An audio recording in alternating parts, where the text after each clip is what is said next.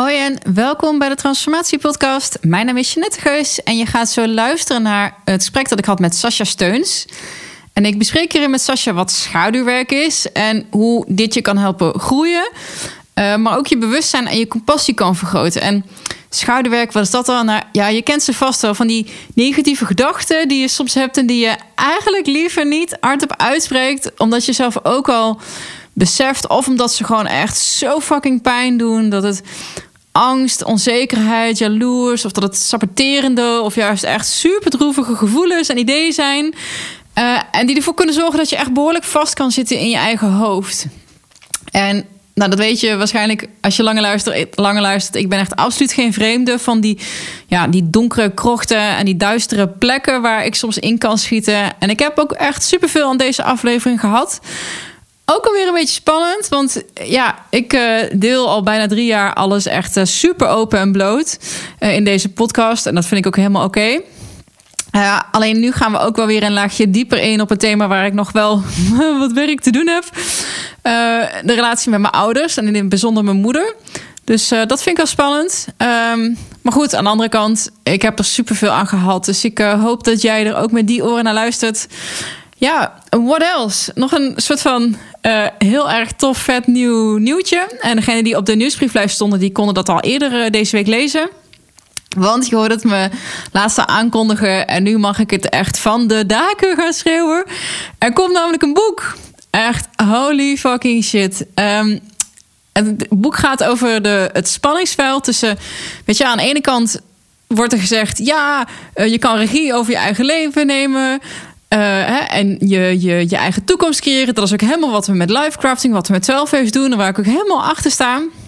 En aan de andere kant heb je ook een stroming en die zegt: nee, je moet je juist overgeven aan het moment. En met de flow van het universum meegaan. En je, je missie gaan uitvoeren. Um, en dat lijkt dus echt heel erg tegenstrijdig. Zo van, ja, moet ik nou gaan knokken of moet ik me overgeven? Um, en de vraag is natuurlijk, ja, hoe ga je daar maar om en welke stroming is beter? En ik heb het daar in de podcast ook al een aantal keer ook over gehad toen het over non-dualiteit ging. Over vrije wil. Heeft het allemaal wel nut, al die persoonlijke ontwikkeling? Um, hoe ik er nu in sta, is gewoon dat je niet hoeft te kiezen. En dat er juist op dat snijvlak tussen leiderschap en spiritualiteit, en, maar zeker ook wetenschap, dat er echt fucking mooie dingen gebeuren. Uh, alhoewel als ik kijk naar wat er nu allemaal gebeurt, mooi is een soort van laffe understatement. Uh, als je kijkt wat er nu allemaal gebeurt. Uh, nou goed, je gaat in dat boek uh, hele, alle, eigenlijk alle thema's terugkomen die je ook in de podcast regelmatig gehoord. Over forest bathing, ondernemerschap, lifecrafting, spiritualiteit. Maar ook, en dat vind ik ook wel weer heel erg spannend, nieuwe lessen en inzichten die ik eigenlijk nog niet zo heel goed durf te delen. ik heb echt al zo vaak een Instagram-post getypt en de, de foto erbij gezocht en het klaargezet. En en ook al online gooide, dacht ik: nee, ik kan het niet posten, want wie ben ik nou? Uh, dus je moet me echt beloven dat je me niet uitlacht als ik. En dat meen ik echt oprecht. Zeg: The plants made me do it. Uh, dat boek, maar vooral ook uh, het grote nieuwe project. Waar ik nu ook al wel de naam van mag. want het boek is één leuk nieuwtje, maar er komt nog iets veel vetters. Er komt namelijk een retraitecentrum aan de rand van 40 hectare bos en dat gaat Yugen heten.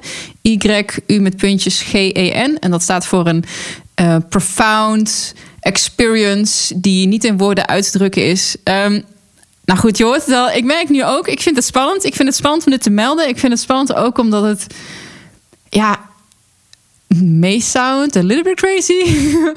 um, maar goed, dat bosbaden, dat forest bathing en die contact met die natuur. En nou, al helemaal als je dat met een, uh, een halve microdosis truffels uh, bijvoorbeeld doet. Maar ook gewoon zo. Dat is zo insanely profound en ego-overstijgend. Uh, overstijgend. En er gebeuren echt. Ja. Kan niet eens uitleggen. Jugend. dat is het. Um, je hoort het dan, er veel te vertellen. Er gebeurt heel erg veel. Er gebeuren ontzettend veel mooie dingen. Er is niet dat er in mijn leven alleen maar mooie dingen gebeuren. Ik heb ook gewoon ups en downs. Alleen ik kies er gewoon voor om me niet te veel af te laten leiden door al die negatieve uh, die er ook nog steeds is. Dus ik hoop dat jij dat ook doet. En ik hoop ook echt dat je geniet van deze aflevering. Uh, ga vooral ook even kijken bij wat Sascha Steuns uh, allemaal nog meer doet. En ik zie je dan, of ik zie, ik hoor je dan heel graag volgende week weer. En ik wens je echt een super, super, super, super, super fijne dag. Ciao.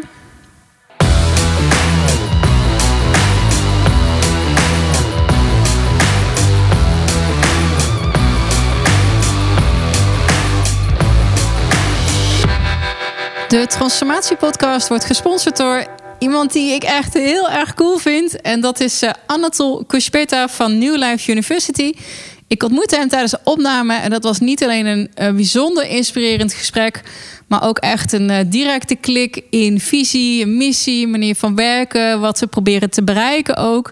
Uh, dus ik ben er echt onwijs trots op dat hij de podcast wil sponsoren. En ik verwijs je dan ook heel erg graag naar www.newlifeuniversity.com slash transformatie. Daar geven ze namelijk een gratis NLP-cursus weg. En dat is online. Uh, en daarnaast krijg je 10% korting als je besluit om hun 15-daagse weekendopleiding te volgen. Um, en dat is een opleiding waar je next level leert communiceren, presenteren, meer zelfvertrouwen krijgt, meer energie en leert omgaan met negatieve gedachten. Uh, daar is een kortingscode voor en dat is heel verrassend. Transformatie. Dus nogmaals, ik ben er onwijs trots op. Ik vind Anatol en zijn bedrijf en wat hij doet en hoe hij dat doet en hoe hij in de wereld staat echt. Um, ja, thumbs up. Ik kan me daar helemaal in vinden. Dus uh, go check it out. newlifeuniversity.com slash transformatie. En de transformatiepodcast wordt ook mogelijk gemaakt door jou, door jouw enthousiasme, de lieve appjes, berichtjes, de emmetjes die ik krijg, uh, net als de reviews en de 5 sterren ratings.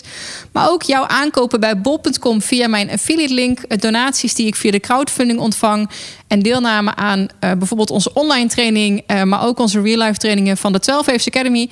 Dat maakt dat deze podcast zichzelf kan bedruipen en ik hier dus op deze manier in alle vrijheid door kan gaan met zoeken naar inzichten, inspiratie, reflecties en antwoorden.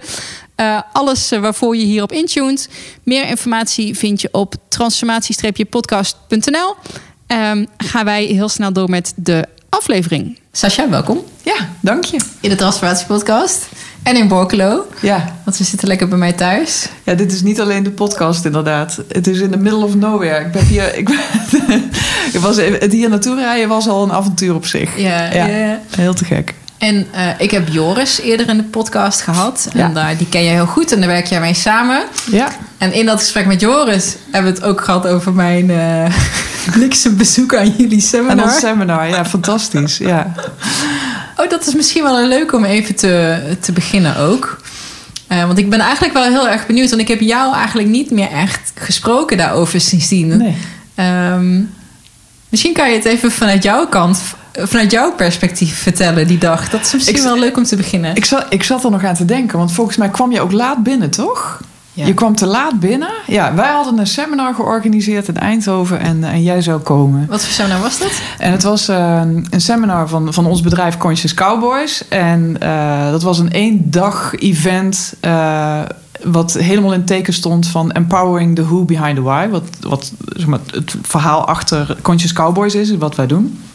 Um, en uh, dat event was eigenlijk gericht op een vijftigtal ondernemers die een stap verder zijn als het gaat over bewustzijnsontwikkeling. Dus die al doorhebben dat, dat als je een bedrijf voert of als je uh, impact wil hebben op de wereld, dat je niet alleen maar uh, een heel goed product moet hebben of goed werk moet verrichten, maar dat je ook op zijnsniveau, gewoon wie jij bent, is gewoon super bepalend voor wat er gebeurt. Dus de who behind your why, de who behind je visie en je purpose. Ja.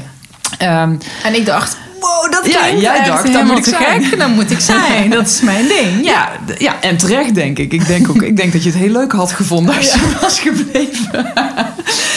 Maar, um, um, nou ja, wat, dus dat was waar het event over ging en waarom wij daar uh, waren. En um, nou, wij vonden het heel leuk dat jij zou komen, hè, want ik wist dat jij op de lijst stond. En ik dacht, oh, te gek, want ik was ook heel benieuwd wat jij ervan zou vinden. Jij kwam wat later binnen, inderdaad. Um, ik vond het ook al heel gaaf dat je die afstand ervoor wilde afleggen. Dus het was heel verrassend dat jij ja, na een uur tegen mij zei: ja. van hm, ik weet nog niet of ik blijf. Ja. Was het um, al na een uur, ja? Oh. Ja, je zei al vrij snel, was ik even bij en zei van ja, ik moet even kijken, want um, ja, nee, je zat geloof ik niet lekker in je vel die dag ja. of die periode. Of, uh, maar het, het, ja, wat nou eenmaal zo werkt bij ons, ik denk altijd, maar zeker als wij trainingen en events organiseren. Kijk, wat, wat voor ons het belangrijkste is, is dat mensen zich op hun gemak voelen. Ik uh, luisterde naar jouw podcast met Jan Geurts en um, Jan die vertelde heel mooi over dat ik maak even een bochtje. Ik kom dadelijk terug bij dat ene stuk. Maar Jan vertelde heel mooi dat hoe ervaren wij liefde? En we maken de vergissing dat we denken dat het door die andere persoon komt. Maar wat er gebeurt eigenlijk is de andere persoon ontspant onze ego. En als onze ego ontspannen is, dan hebben we redelijk direct toegang tot onze innerlijke bron van liefde. Maar dat geldt niet alleen voor liefde, dat geldt voor je creativiteit, zelfwaarde. Uh, oké zijn met wat is, uh, maar ook je ontvankelijkheid voor nieuwe informatie. Je ontvankelijkheid voor uh, misschien wel confronterende boodschappen. Zeg maar hoe relaxter jouw ego is, hoe makkelijker al die dingen toegankelijk zijn en hoe makkelijker je in een bepaald proces mee kan gaan. Dus als wij training geven, of als ik coach, of als we een seminar verzorgen, dan is ons zijn, wij besluiten op zo'n dag zelf, onze eerste focus is op het ontspannen van de ego's van mensen die in de zaal zitten. Dus we hebben geen oordeel. Nul, nada, noppes. Ik vind maar één ding belangrijk en dat is dat degene die er zit, zit omdat hij er wil. En als, het, als hij het niet wil, dat hij kan kijken van oké, is wat ik niet wil een reden om te onderzoeken? Of in jouw geval om te zeggen van oké, okay, not my moment. Ja, ja. Helemaal oké. Ja. Sterker nog, ik vond het, ja, ik vond het een pluim waard. Ik, eh, dat, ja. midden, door, midden door die zaal. En ik weet nog dat het was heel warm. Dus ik had een, een was, het was heel mooi bloter dan ooit uh, gekleed. Want uh, ik had een heel uh, laag hemdje aan. Dat heb ik niet zo heel vaak aan. Dus dat, ja. ik voelde me ook echt zo in de spotlight zo die zaal uitlopen. Zaaltje, want het was niet ja. super groot. Maar juist omdat het zo klein was. Ja, ja en het... Ja... En ik denk dat je, maar dat hebben we denk ik allemaal, dat het misschien voor, als we zoiets doen, hè, dus als je zo'n keuze maakt of als je opstaat in een, in een ruimte waar veel mensen zijn of je voelt je bekeken, en zeker als je niet lekker in je vel zit, is dat, kan dat nog veel scherper zijn. Ik heb niet de indruk dat het heel veel impact had. Ik, ik heb niet eens vragen gehad van andere mensen. Waar is. Uh... En dat, dat, vind ik wel echt super interessant. Ook dat stukje. Um, laatst had ik bijvoorbeeld. Oh, toen ik Joris sprak. Ja toen was ik hem even kwijt. Ja. Ergens uh, op drie kwart in dat gesprek of zo. En toen dacht ik... In mijn hoofd gebeurde er toen heel veel. Dan word je even een soort mhm. van... Uber, uber bewust op een soort van micro uh, millimeter zie je alles. En dat is allemaal heel erg groot. Dus ik uh, helemaal paniek in mijn hoofd. Ja. En toen dacht ik inderdaad, ik spreek dat in van tevoren, dat dat komt, dat moment. En ik word gewoon die dag dat die podcast luistert, word ik ook gebeld door een kennis van mij. Hij zegt, ja, ik zit er voor mijn hele podcast luisteren. Wanneer komt het nou? En het was gelijk in 20 seconden gedaan. En toen dacht ik, ja, maar zie daar dus hoe gek ons hoofd je kan maken. Uh, dus ik heb dat er heel bewust ingelaten. Zo van, hopelijk is dat ook dat het ergens klikt. Zo van, oh, ik heb ook wel eens dat ik denk, oh, mm nu is het massive. Ja. Maar ik heb dan de luxe dat ik het terug kan luisteren. En eruit kan knippen. En eruit kan knippen. Wat je gelukkig niet je, deed. Nee, maar als het gewoon je leven is... en je hebt momentjes waarop je denkt... oh, weet je wel, holy fucking shit, nu gaat het helemaal mis. En mensen... ik val door de mand of zo, weet ik veel. Je kan niet terugspoelen en zien... oh, dat was lijkt maar 10 seconden. Waar maakte ik me druk over? Dus dat was de reden voor hem om, om hem erin te, te laten. En ook leuk om dit momentje even eruit te pakken. Want je maakt het dan zo... Groot ja, en ik, kijk, ik snap het ook wel. Dus ik bedoel, we gebruiken nu jouw voorbeeld van dat moment. En ik, oh, ik heb duizend van dat soort voorbeelden. Dus yeah. it takes one to know one. Ik snap ook wat er gebeurt bij je op zo'n moment. Dus het, het, het stelt in het macroniveau geen fuck voor, zeg maar. Maar ik kan me wel heel erg verbinden met het microniveau waar jij ook op zo'n moment zit. Terwijl ze van oké, uh, ja, ja, dan is er blijkbaar iets heel groot nu. En ook het voelt heel groot als je dan opstaat en de deur uitloopt. En, uh, gelukkig ben ik daar precies van, nou oké, okay, uh, ik kom daar voor mezelf en voor niemand anders. En ik hoef ook aan niemand... Ja, ik moet wel verantwoording afleggen. Ik ben niet alleen op de wereld. Uh, maar ja. Dus ik, ik, voel dan geen genre of zo om te gaan. Dan ga ik ook gewoon. Ja, en ik denk dat de reden wel uitmaakt. Kijk, er zijn ook wel eens mensen die bij, bij, bij training van ons soms weggaan. Um, en dan moet ik ook altijd wel even checken: van is het. is het vluchten voor de Ja. content. Voor de confrontatie. Ja. Ja. dat was het bij mij niet. Nee. Het was echt zo van, oh, dit, zo van, er moest niet nog meer input in, Ja. op dat moment in mij. Want het lag al helemaal open en er Ja. gebeurde al zoveel. En toen dacht ik, oh, dit vind ik geweldig en fucking interessant. Ja. Maar, maar ik heb nu geen rijpe bodem daarvoor. Dus daarom ben ik weggegaan. Om mezelf eigenlijk een beetje te beschermen tegen nog meer... eh, Prikkels. nou ja, nou, prikkels misschien niet, maar gewoon nog meer... eh, de boel openfrikken, want het lag al open. Het was Mhm. al, eh, er gebeurde al zoveel. Mhm. Ik kan me heel goed voorstellen als je vastzit en als je heel erg nog in een bepaalde visie staat. Mhm. Want ik vond het zo vet wat Joris aan het vertellen was. Ja. En hoe hij dat bracht. En, en dacht ik, oh, dit kan echt iemand zijn ogen openen. Maar dacht ik, ik ben al verblind. Ja. Ik wil Ja, juist even oogkleppen op. Ik snap er gebeurt zoveel. Doe even een zonnebril. Ja, nou, misschien is het dat. inderdaad. Dat, dat stuk wat hij aan het vertellen was... eh, ik weet niet eens of jij mij überhaupt hebt horen spreken. nee, nee, nee. Want mijn volgende vraag is, wat doe je? Wat had ik daar te melden dan? Nee, je zei, Dat weet dus- je niet, hè? Ja. Je zei net eh, schaduwwerk. Ja, ja eh, even in het voorgesprek. Ja, schaduwwerk. Ik denk dat eh, ik denk dat, dat ehm, mijn expertise is. Ja, helemaal goed. Ehm, nou, ik ben trainer en coach in bewustwordingsprocessen. Dat, dus ik heb daar mijn eigen eh, praktijk in, of mijn eigen bedrijfje, eenmanszaak. En inmiddels dus ook met drie anderen het bedrijf Conscious Cowboys, waarbij we dat materiaal in, in het bedrijfsleven eh, brengen. Eh, ik ben trainer en coach bij Creative Consciousness, waar we dus individuele trajecten begeleiden. Dat is een internationale organisatie. En daarnaast doe ik dat ook wel op eigen titel.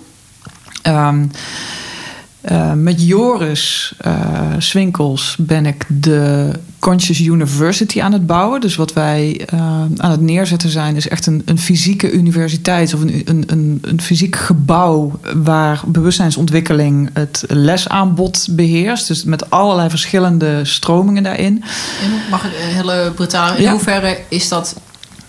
ik ik ken natuurlijk de bewustzijnsschool. Mhm. Moet ik aan zoiets denken? Want dat is een beetje eh, in workshops, lessen, eh, teacher aanbod. Eh, weet je, we weten het nog niet precies. Ehm, de visie die we hebben is een, ehm, een fysieke plek waar mensen naartoe kunnen komen om ehm, getraind, geteacht te worden in be- bewustzijnswerk.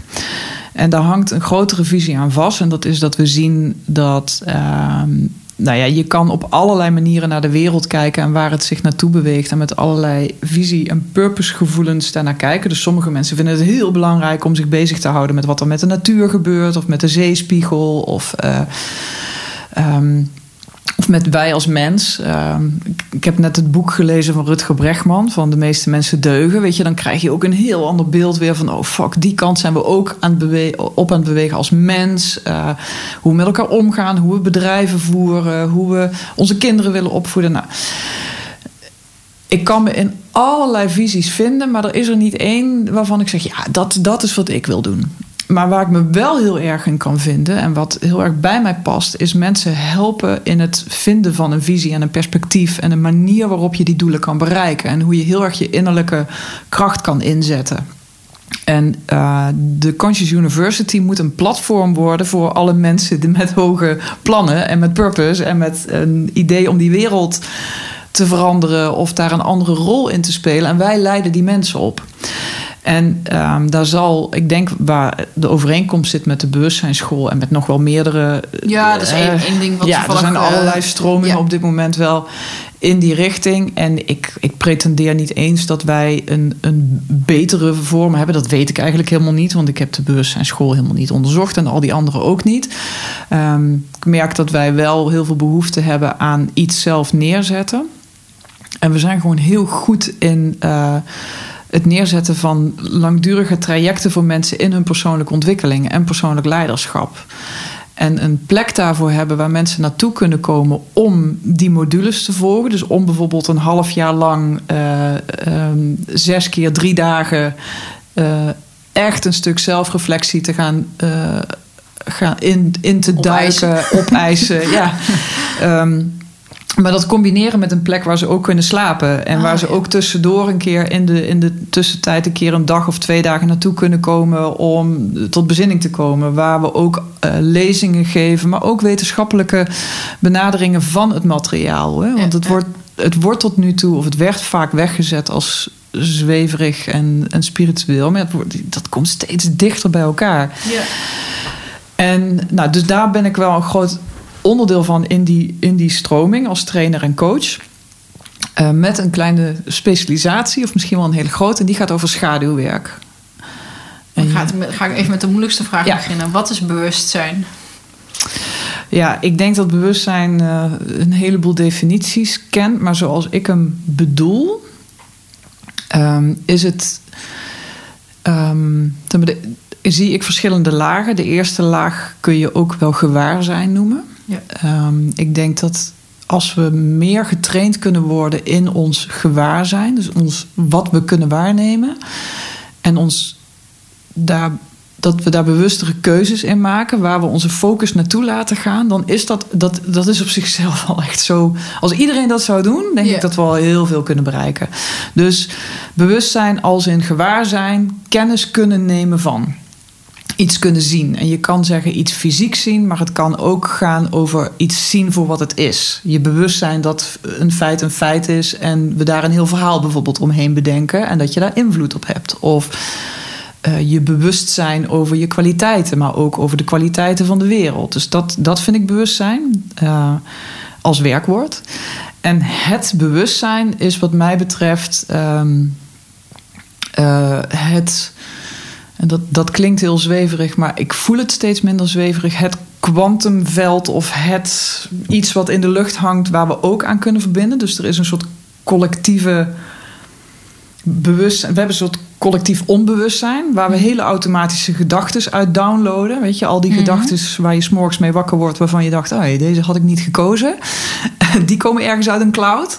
En ik denk dat er nog een andere cloud is die je bewustzijn kan noemen, waarbinnen we andere keuzes kunnen maken. Of van waaruit we ook andere gedachten en emoties zouden kunnen downloaden. Als we eh, er meer weet van hebben en ons meer in staat kunnen stellen in het connecten met, nou ja, weet ik veel, kwantumveld. Ik weet niet eens welk woord je eraan moet geven. Nee, is ook ik vind het moeilijke van die woorden altijd dat er ook meteen een.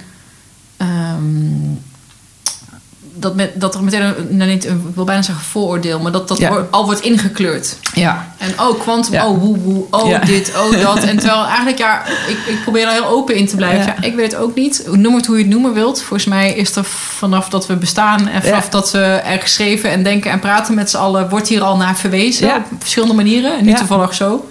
ja, En ik weet het ook niet.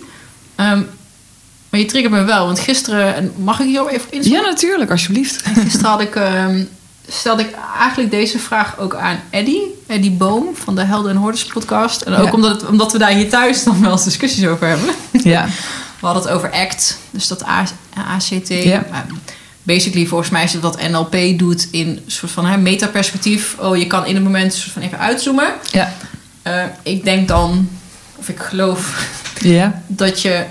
Eh, je, hebt, je hebt optie 1, ged- ge- eh, scenario, verhaal 1. Niet zozeer gedachte, maar een soort van scenario.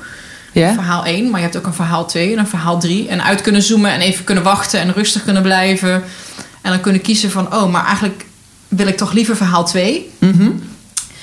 Ik geloof daar echt in. Dat, dat je dat kan. En dat komt omdat als je mediteert en je wandelt en je bouwt die rust in. Ik denk dat het fucking moeilijk is als je gewoon gaat. ja. Je bedoelt dat het moeilijk is om die keuze te hebben. Ja, om te Als zien je dat je niet, meerdere eh, opties überhaupt ja. ook zijn. Ja, zeg maar. eens. Maar toen hadden we hier thuis een hele discussie. Van ja, maar ja, eh, hebben we daar dan wel vrije keus in? En ik denk dan, oké, je hebt automatische keuzes. Dus de, de, de, de niet-bewuste keuze. Gewoon de autopilot keuze. Ja, Die iedereen eigenlijk altijd tot je dood kan hebben. Want Ja. dat is hè, hoe je tot het moment dat je meer bewust wordt. Automatisch reageert. Ja. Dus je hebt je automatische reactie en je Ja. hebt je bewuste reactie. En de vraag thuis Ja. was van, oké, hebben we wel echt een bewuste reactie? Of is dat dan ook eigenlijk niet... ehm, Ja, hoe zie jij dat? Ja, spannend, Was- Voel hè? je een vraag? Ja, ja, Zo van, zeker. kunnen we kiezen? Ja, weet ik niet. ik vind het. Ik, ik weet het niet en het is bijna. Ik wil het ook niet weten. Dat ik. Ik vind het een beetje de magie van het bestaan eh, om het niet zeker te weten. Ik snap wel heel goed de vraag en ook dat het bij sommige mensen discussie is, inderdaad. Van heb je nog, een- weet je, ja, is Ja, er een van in wil? hoeverre is dat vrije wil? Want en dan wordt er zo'n voorbeeldje aangehaakt door, van als ik eh, aan jou vraag noem een stad in Nederland.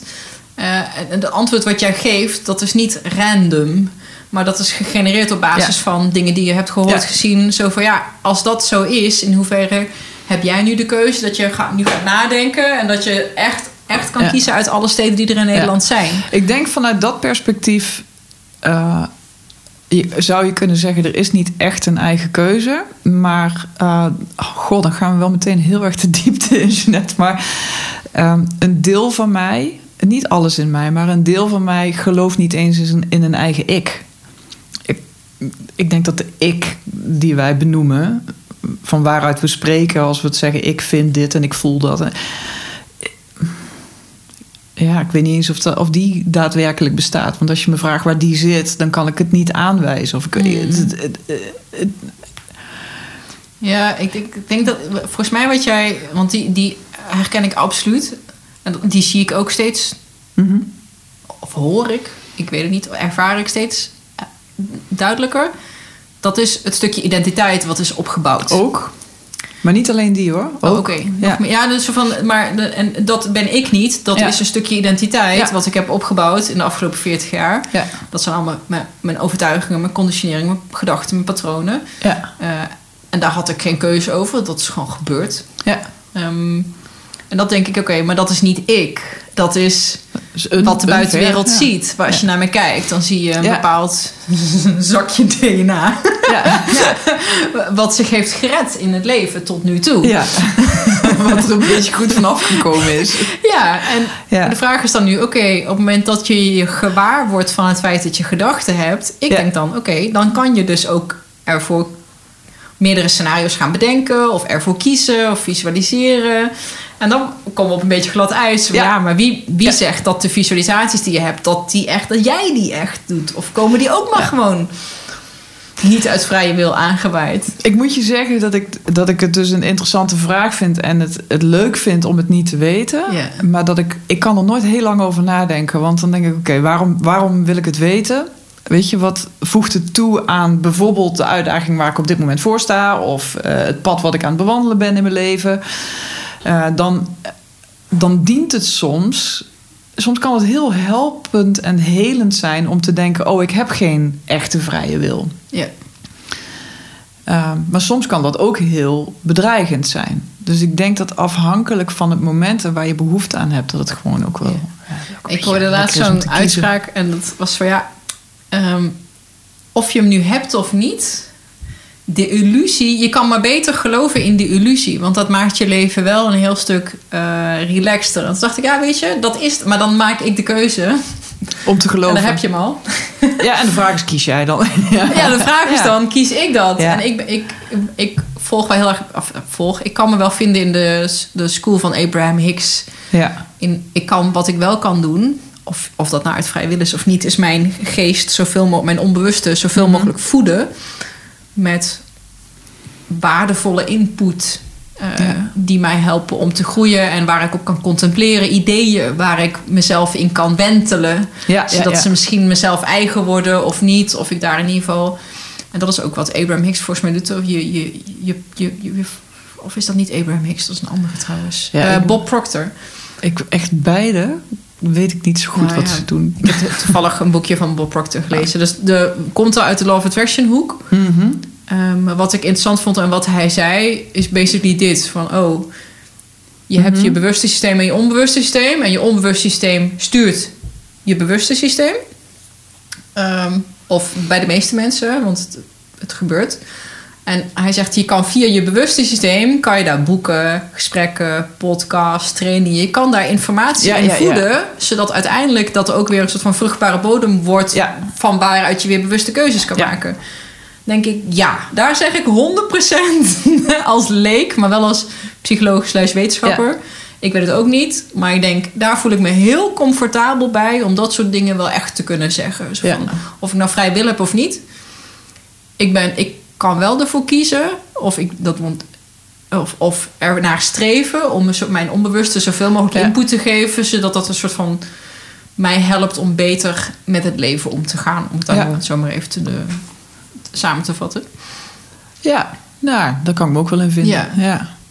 Ja. en ik denk dat, kijk, waar jij het net over hebt, zijn wel twee interessante dingen die je benadert. Eentje is dus dat stukje van, is er een onbewustzijn en een bewustzijn wat, weet je, wat, wat voedt wat? Ja. Ik Oh, dat denk- is ook natuurlijk een aanname van ja, mij. ik denk dat het Ja. beide kanten op kan werken, omdat ehm, dat wat we onbewust noemen, wat je ook wel conditionering kan noemen, eh, daarin zie ik dat, dat we vaak automatische reacties hebben. Dus je kan, je kan een automatische eh, gedachte hebben, nogmaals, die je niet zelf gekozen zou hebben als je de keuze had gehad. Ik bedoel, ik heb eh, heel veel gedachten waarvan ik wel eens denk, nou, mag wel iets aardigers denken. maar eh, en hetzelfde geldt voor gevoelens natuurlijk. Weet je, soms worden we dat. Nou, dus die komen ergens vandaan. Maar wat ook onderbewustzijn of wat automatisch gaat, is weet ik veel. Als ik in de auto stap, ik weet echt niet meer wanneer ik van de twee naar de drie geschakeld heb. Dat is geen bewust proces geweest. Dus dat is ook een conditionering. Dat is ook een automatisme. Pro- programmaatje. Het is ook een programma. Nou, sommige programma's denk ik dat we onszelf aanleren, zoals jij net zei, van weet je, je kan jezelf voeden eh, met dingen, waardoor je voedingsbodem voor automatische Ja. gedachten of patronen creëert. En ik geloof dat we echt wel gevoelig zijn voor een collectief iets. Ehm, afhankelijk van hoeveel ik eh, op social media zit. En daar hadden we het net over. Hè, Daar dus, wil je het niet over hebben. ik wil er niet te veel over hebben. Tijdverspilling. het toch doen. Ja, nee, ik vind social media tijdverspilling en erover hebben ook. Maar het is wel heel goed om als voorbeeld te gebruiken. Kijk, kijk als je veel op social media zit of veel naar het eh, nieuws kijkt. En eh, sorry voor de nieuwsliefhebbers, maar ik, ik, het valt me steeds meer op dat hoe meer we ons blootstellen aan bepaalde ehm, ook negatieve energieën, negatieve meningen, eh, situaties. Ik denk dat dat wel echt invloed heeft op ons automatische gedachtenpatroon en onze manier van naar het leven kijken. En we hebben het niet eens, we hebben het niet eens door. En je hoort het meer en meer dat de mensen die zich daarvan onttrekken en die veel meer zoals jij hier zich terugtrekken in de natuur, die veel bewuster kiezen voor meditatie of voor veel meer met de natuur zijn, buiten zijn, zich afsluiten van al die externe prikkels.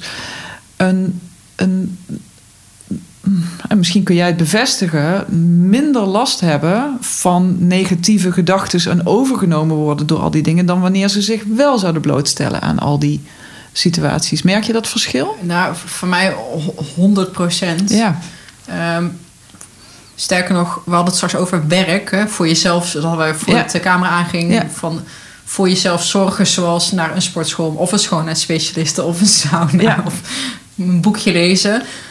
Ik zie dat als werk, als mijn taak bijna. Dat is mijn verantwoordelijkheid om voor dit lichaam te zorgen. Zo zie ik het echt. En hoe meer ik me daar bewust van word, hoe meer ik ook dat mezelf afsluiten. Ik ook als bijna een soort taar. Ik heb dat nodig, omdat ik. Ik zie steeds meer dat, eh, daar hadden we het straks ook over, dat die meningen van anderen die op Mhm. je geplakt worden, Mhm. eh, jezelf daarvan onttrekken, Mhm. eh, dat is een soort van noodzaak. ik kan niet anders Nou ja, zeggen. maar met- daarmee bevestig je ook wel dat stukje dat, dat wat we dus. ehm, eh, we hebben dus ergens invloed op die automatische gedachtenstromen en emotionele stromen. En die op ons afkomen. Dus aan de ene Ja. kant, je kan het niet kiezen. Hè? Dus ik, het is niet dat als ik wakker word... Ja, natuurlijk, ik kan er bewa- bewust ergens over na gaan denken. Maar mijn eerste automatische gedachte zou bijvoorbeeld kunnen zijn... eh kut, het regent weer. Of weet Ja. ik veel. Het- Ja. En het kan een constatering zijn. Maar het feit dat ik er een mening meteen op hang... Het regent Ehm. Ebba. ja, het regent is te is het feit. Is de en, is- ja. en het het typische is nog, ik word wakker en er is wel meer aan de hand hoor, dan alleen maar dat het regent. Maar toch gaat daar mijn eerste focus naartoe. Want mijn eerste focus zou ook kunnen gaan naar, hé, hey, ik leef nog. Ja. Of, of ehm, eh, wat ik tegenwoordig wel een interessante vind bij mezelf. Of hé, hey, ik heb geen hoofdpijn. Ik heb namelijk erg vaak hoofdpijn. En dan is het heel fijn om als eerste te constateren... maar nee, het eerste wat me opvalt is dat het regent. Dus er gaat een soort automatische aantrekkingskracht naar... weet ik veel, iets negatiefs. Wat je bezighoudt, ja. ja. Nou, wat er op dat moment gebeurt. Dus wat, Ja. wat bepaalt nou waar onze aandacht als eerste naartoe gaat? En ik denk dat... ehm, nou ja, wat jij benoemt over het, hoe jij leeft en hoe je het als je plicht ziet om af en toe die natuur op te zoeken en goed voor jezelf te zorgen. Ik herken dat ook heel erg. En ik denk steeds meer mensen. Dat zorgt er, bewust of onbewust, voor dat je ook andere gedachtenpatronen kan hebben. Ja. Ehm, helderder kan reflecteren op wat er gebeurt. Dus omdat je hoofd minder en minder bevuild wordt met allerlei Ja. eh, bullshit, eh, zo gezegd. Ik heb nu zelfs de, de, de mening dat ik denk eh, dat kunnen uitzoomen en je verhaal zien. En, da, en ik denk, als het verhaal je niet aanstaat, Ja, dan moet je net zo lang wachten en stil zijn. ja. Je, dat kan, hè? Maar ja, zo van. ja, ik, kom, ik, kom, ik was aan het lopen en ik kom heel goed voorstellen dat mensen zeggen: Ja, maar als ik stil ben en ik ga naar mezelf luisteren, dan is het één. gro- Dat is gewoon horror. Herkenbaar. Dat heb ik ook. Ja, ja, ja. Dan- dus als ik niet goed in mijn vel zit, dan, heb ik, dan is, zijn in mijn hoofd... Stel dat ik bijvoorbeeld met jou had... eh, ik weet dat dat eraan zou komen... en wij zouden bijvoorbeeld eh, kennissen van elkaar zijn... ik zit slecht in mijn vel... Dan, dan ben jij in mijn hoofd... in de gesprekken die ik met jou aan het voeren ben... in een soort van denkbeeldig verhaal in mijn hoofd... ben jij de slechtste versie van jezelf. Oké. Dan ben je... eh, ken je niet, maar... weet je, dan, of dan is je, je vriend gewoon een, een asshole op dat moment... of je moeder is een bitch... of je Ja. collega is vervelend... En dat- we zijn we allemaal soms wel eens. Maar Ja. in mijn hoofd ben je dan Ja, op dat moment de slechtste versie die ik van jou ken. En sta je in mijn weg. Ben ik daar een soort van gevecht mee aan het voeren. En ik denk dat heel veel mensen dat wel herkennen. Zo van, oh, dus daar horror was eigenlijk helemaal niet zo prettig. Ik denk, ja, als ik dan langer wacht... en er niet Mhm. tegen probeer te vechten... Mhm. Of in mijn hoofd een discussie probeer te voeren... met een persoon die er helemaal niet is... Mhm. in een situatie die er helemaal niet is... en die persoon is niet eens zichzelf zoals ik hem eigenlijk wil kennen ook... Ja. Eh, daar. En eigenlijk hoef je daar niks mee te doen, ben ik achtergekomen. Ik moet er vooral eigenlijk gewoon niet te veel aandacht aan besteden. Omdat Ja. het gewoon heel subtiel vloeit het dan ook weer weg. ja, net als de slappe lach, die houdt ook vanzelf op. Ja, en, ehm, ik denk, en dan komt er vanzelf weer een ander verhaal voor in de plek.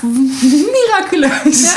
En die is vaak dan ietsje beter. Of hè, door het Of lopen kom ik tot rust vaak. En dan, als ik denk, na een half uur, dan heb ik al ander soort verhalen in mijn hoofd. En is dan een heel stuk relaxter. Dan denk ik, ja, oké, dan moet ik gewoon langer wachten. Dan, dan, want eh, dan, dan zit ik nog ergens in een soort van... eh, Kramp. Kramp. Nou, dat ja, precies. Ja, ego-kramp. ja, dan zit ik in een soort van ego. ego- Ja, maar that's it. Ja, ja. That's it.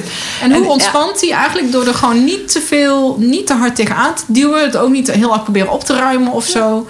Dat is Dat- een manier. Dus, en ik vind het gaaf om meerdere manieren te ontwikkelen Dat en te laten vet. zien. Kijk, ik denk dat, dat de stroming waar we nu in zitten, dat steeds meer mensen leren mediteren. Weet je, dat het ook gewoon helemaal niet. het, het hoeft niet eens met een wierookje. Nee, eh, joh.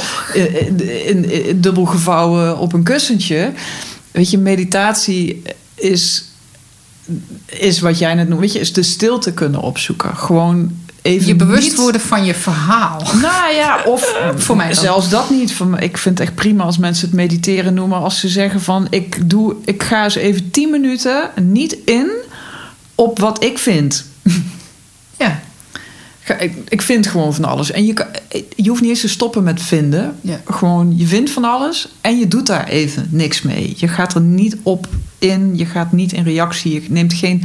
Je gaat niet die mail sturen, je doet gewoon even. Dat is al eigenlijk een, soort, Ja. een vorm van meditatie. Of, maar om je ego te ontspannen zijn er ook nog hele andere manieren. En sowieso, je kan lichaamswerk doen. eh, eh, dus je kan eh, sommige fysieke inspanningen of dingen kunnen. Yoga is een, is een inkoppertje, maar dansen is er ook één. Ja. Of ehm, Maar een crossfitles kan het ook zijn. ja, sporten, hardlopen, Ja. een massage. ehm, eh, allemaal dingen die kunnen bijdragen aan aan de ene kant fysieke ontspanning of een fysieke eh, verruiming, of hè, hoe je het ook wil noemen, maar tevens een kalmering kunnen zijn van je ego. Ja. Ja, dus daar kan die ook in zitten. Het kan ook zitten in, eh, weet ik veel. eh, sommige mensen drinken er een glas wijn voor. Of, het- Ja, het ja, het ja. kan ook zijn dat je gaat kijken: oké, het, het is ook oké. Het is oké om trucjes op te zoeken om je ego eh, te kalmeren. Ook, ook dat. Oh, eh, oh, sorry. Ik kom Ja? Nee, dus? Nee, ik vind het fijn dat je dat zegt. Er komt soms van die puristen tegen. Ja, Die dan zeggen, oh, dat is bijna val. Weet je wel, ik bijvoorbeeld eh, over psychedelica is natuurlijk een mooi voorbeeld. Ja. Microdoseren. Nee, nee, nee, dat is, dat is dan vals dat spelen kan hoor. Dat, kan, Ja, dat is vals spelen. En dan denk ik echt. Maar het is zo. Het, is, Maar het, is het zo kan heerlijk, al die meningen die we hebben. What works for you, works for you. Kijk, eh, zolang je er een ander niet mee kwetst... en zelfs daar kunnen we een hele discussie over hebben. Maar eh, ja... Ja, what works, works. En, ehm, en ik snap het wel. Ik snap het ook wel als iemand... Je kan zeggen vals spelen of zelfs van... Nou, het is niet goed om naar bepaalde middelen te grijpen... want dan word je er afhankelijk van... Ja, maar zoek maar zelf. Ga zelf maar eens dat randje opzoeken van wanneer het fout dan zou zijn. Of weet je, je voelt het wel. En hoe zuiverder we woorden in ons zijn en hoe, hoe eerlijker we naar onszelf kunnen kijken, hoe beter je ook in staat bent om te voelen wanneer het goed of niet goed is. En ik denk, dat raakt trouwens het schaduwwerk, wat, wat ik doe. Want schaduwwerk gaat over in eerste instantie bewust worden, gewaar worden, het erkennen van de kanten van jezelf die je liever niet laat zien. Ehm, die in de schaduw van jou vallen. En ehm, Wat voor dingen hebben we het dan meestal over? Of nou, meestal, maar kan je wat, wat ja, dingen ja, noemen? ja, zeker. Ehm, ja, ik, moet, ik moet altijd meteen lachen als iemand die vraag stelt, omdat ik een heel mooi voorbeeld is. eh, ik heb twee puberende eh, eh, bonuskinderen. En af en toe dan gooien we het gesprek op van. Wat zou je wel eens stiekem willen doen? Of waar denk je wel eens aan als je iemand ziet en waarvan je denkt: Oh, dat mag ik echt niet denken. En, ehm, nou, en toen, en hoe oud zijn ze? eh, 16 en bijna 14. Man of vrouw? Eh, bijna 14 eh, is een jongen en een meisje van 16.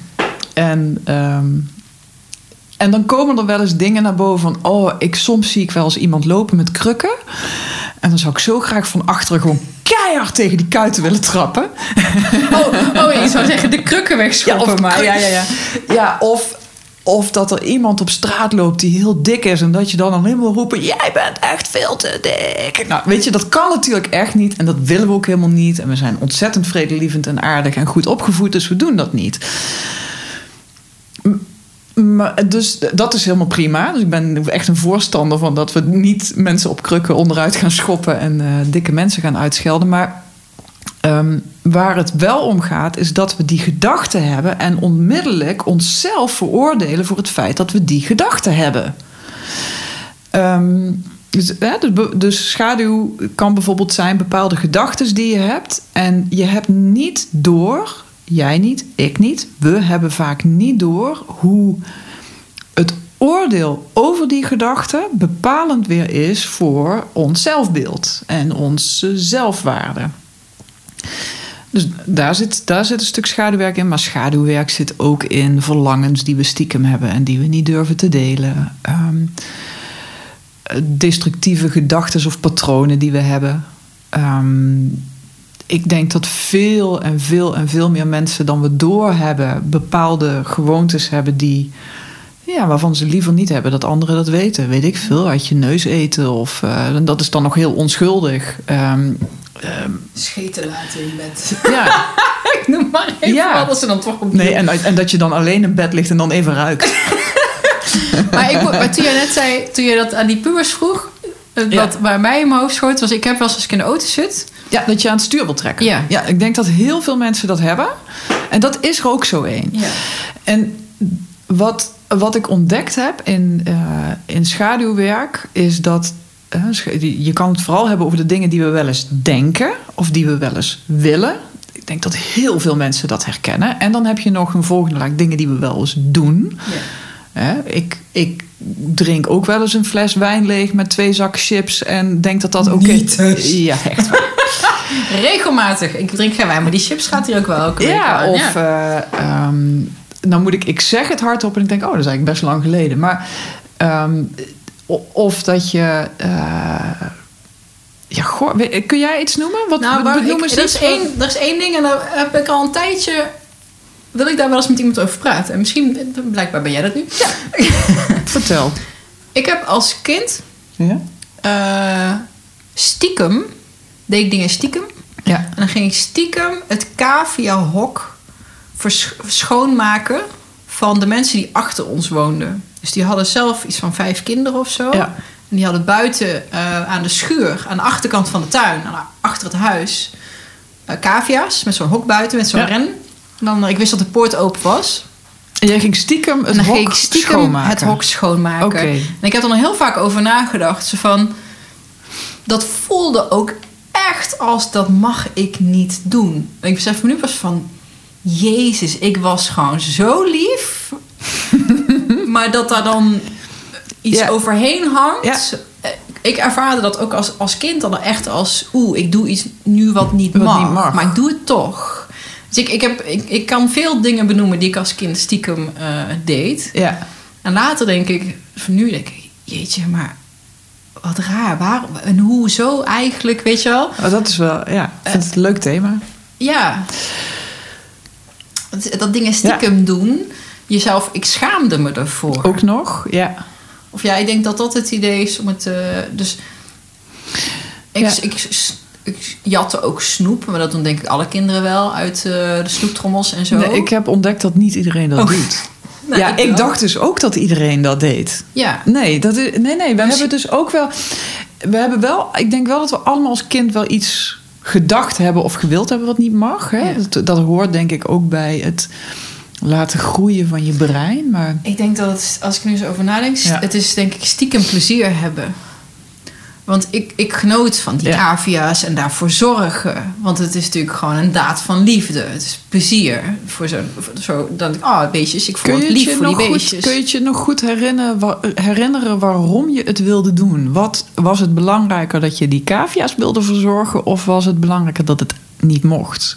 Nee, voor die, voor die cavia's. Ik Oké. vond dat zielig. En wat is dan. En, Maar ik waar, zei waar dat niet. relateer je het aan schaduwwerk of aan wat ik net Nou, je zei van, eh, zijn er wel eens dingen die je zou willen doen die eigenlijk niet mogen? Ja, oké. Ik, ik ging niet vragen van, mag ik in jullie tuin zijn? Ik ging ook niet vragen, mag ik in het caviahok? Ik Oké. ging ook niet vragen, mag ik me ermee bemoeien?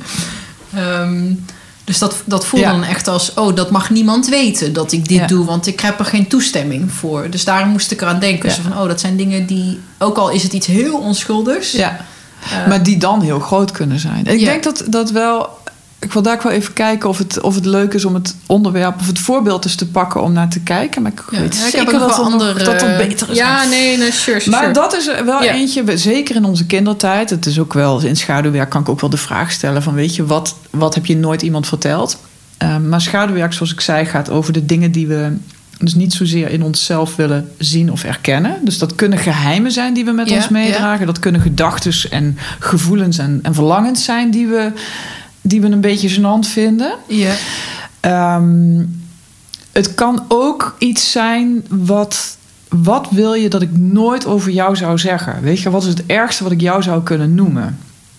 En ehm, eh, in schaduwwerk is het uitgangspunt dat alles wat we proberen te verstoppen of wat we niet willen, waar weerstand op zit, waar weet je, zo'n eh, zo'n Ja, errorkruis voor je komt, daar kun je superveel uithalen. Daar zit echt waardevol materiaal in. Ehm, daar kun je eh, heel veel kracht uithalen. Dus in, in schaduwwerk, in, in, de, in het opzoeken van de krochten van je ziel. Ja, daar zit zoveel energie en kracht.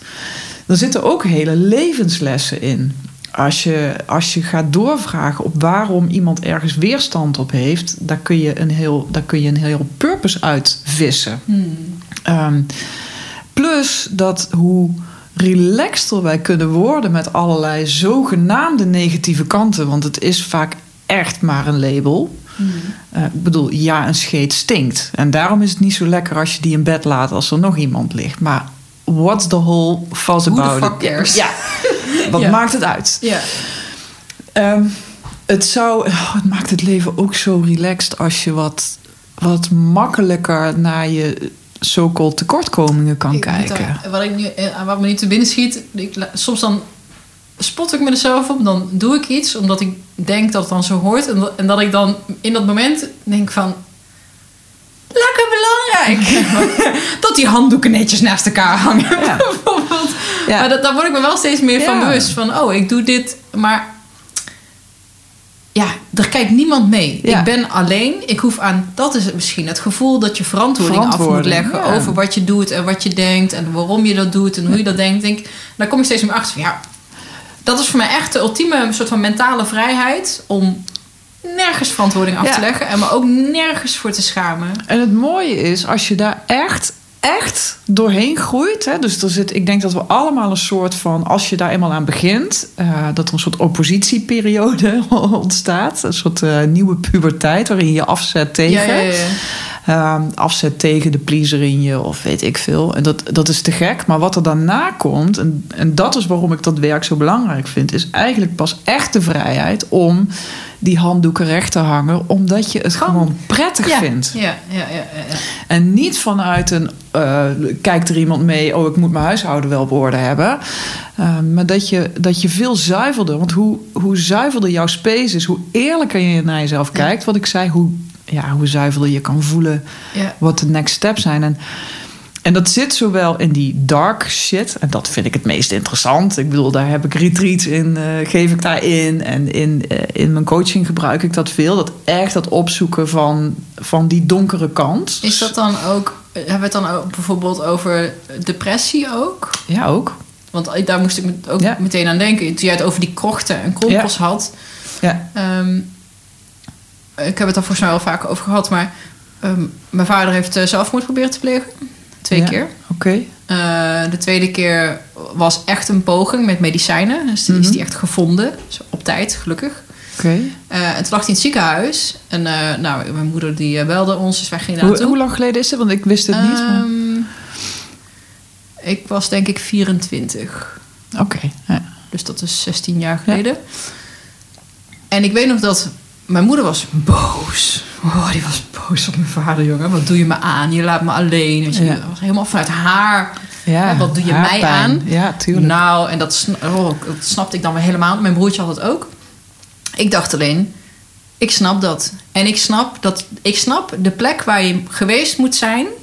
En, Ja. en hoe het daar is om tot deze oplossing slash keuze eh, te kunnen komen. ja. En dat vond ik zo... En dan denk ik dat iemand daar boos om kan worden. Hoe kan je daar boos om worden? Dat is zo... Oeh, naar daar. Ja.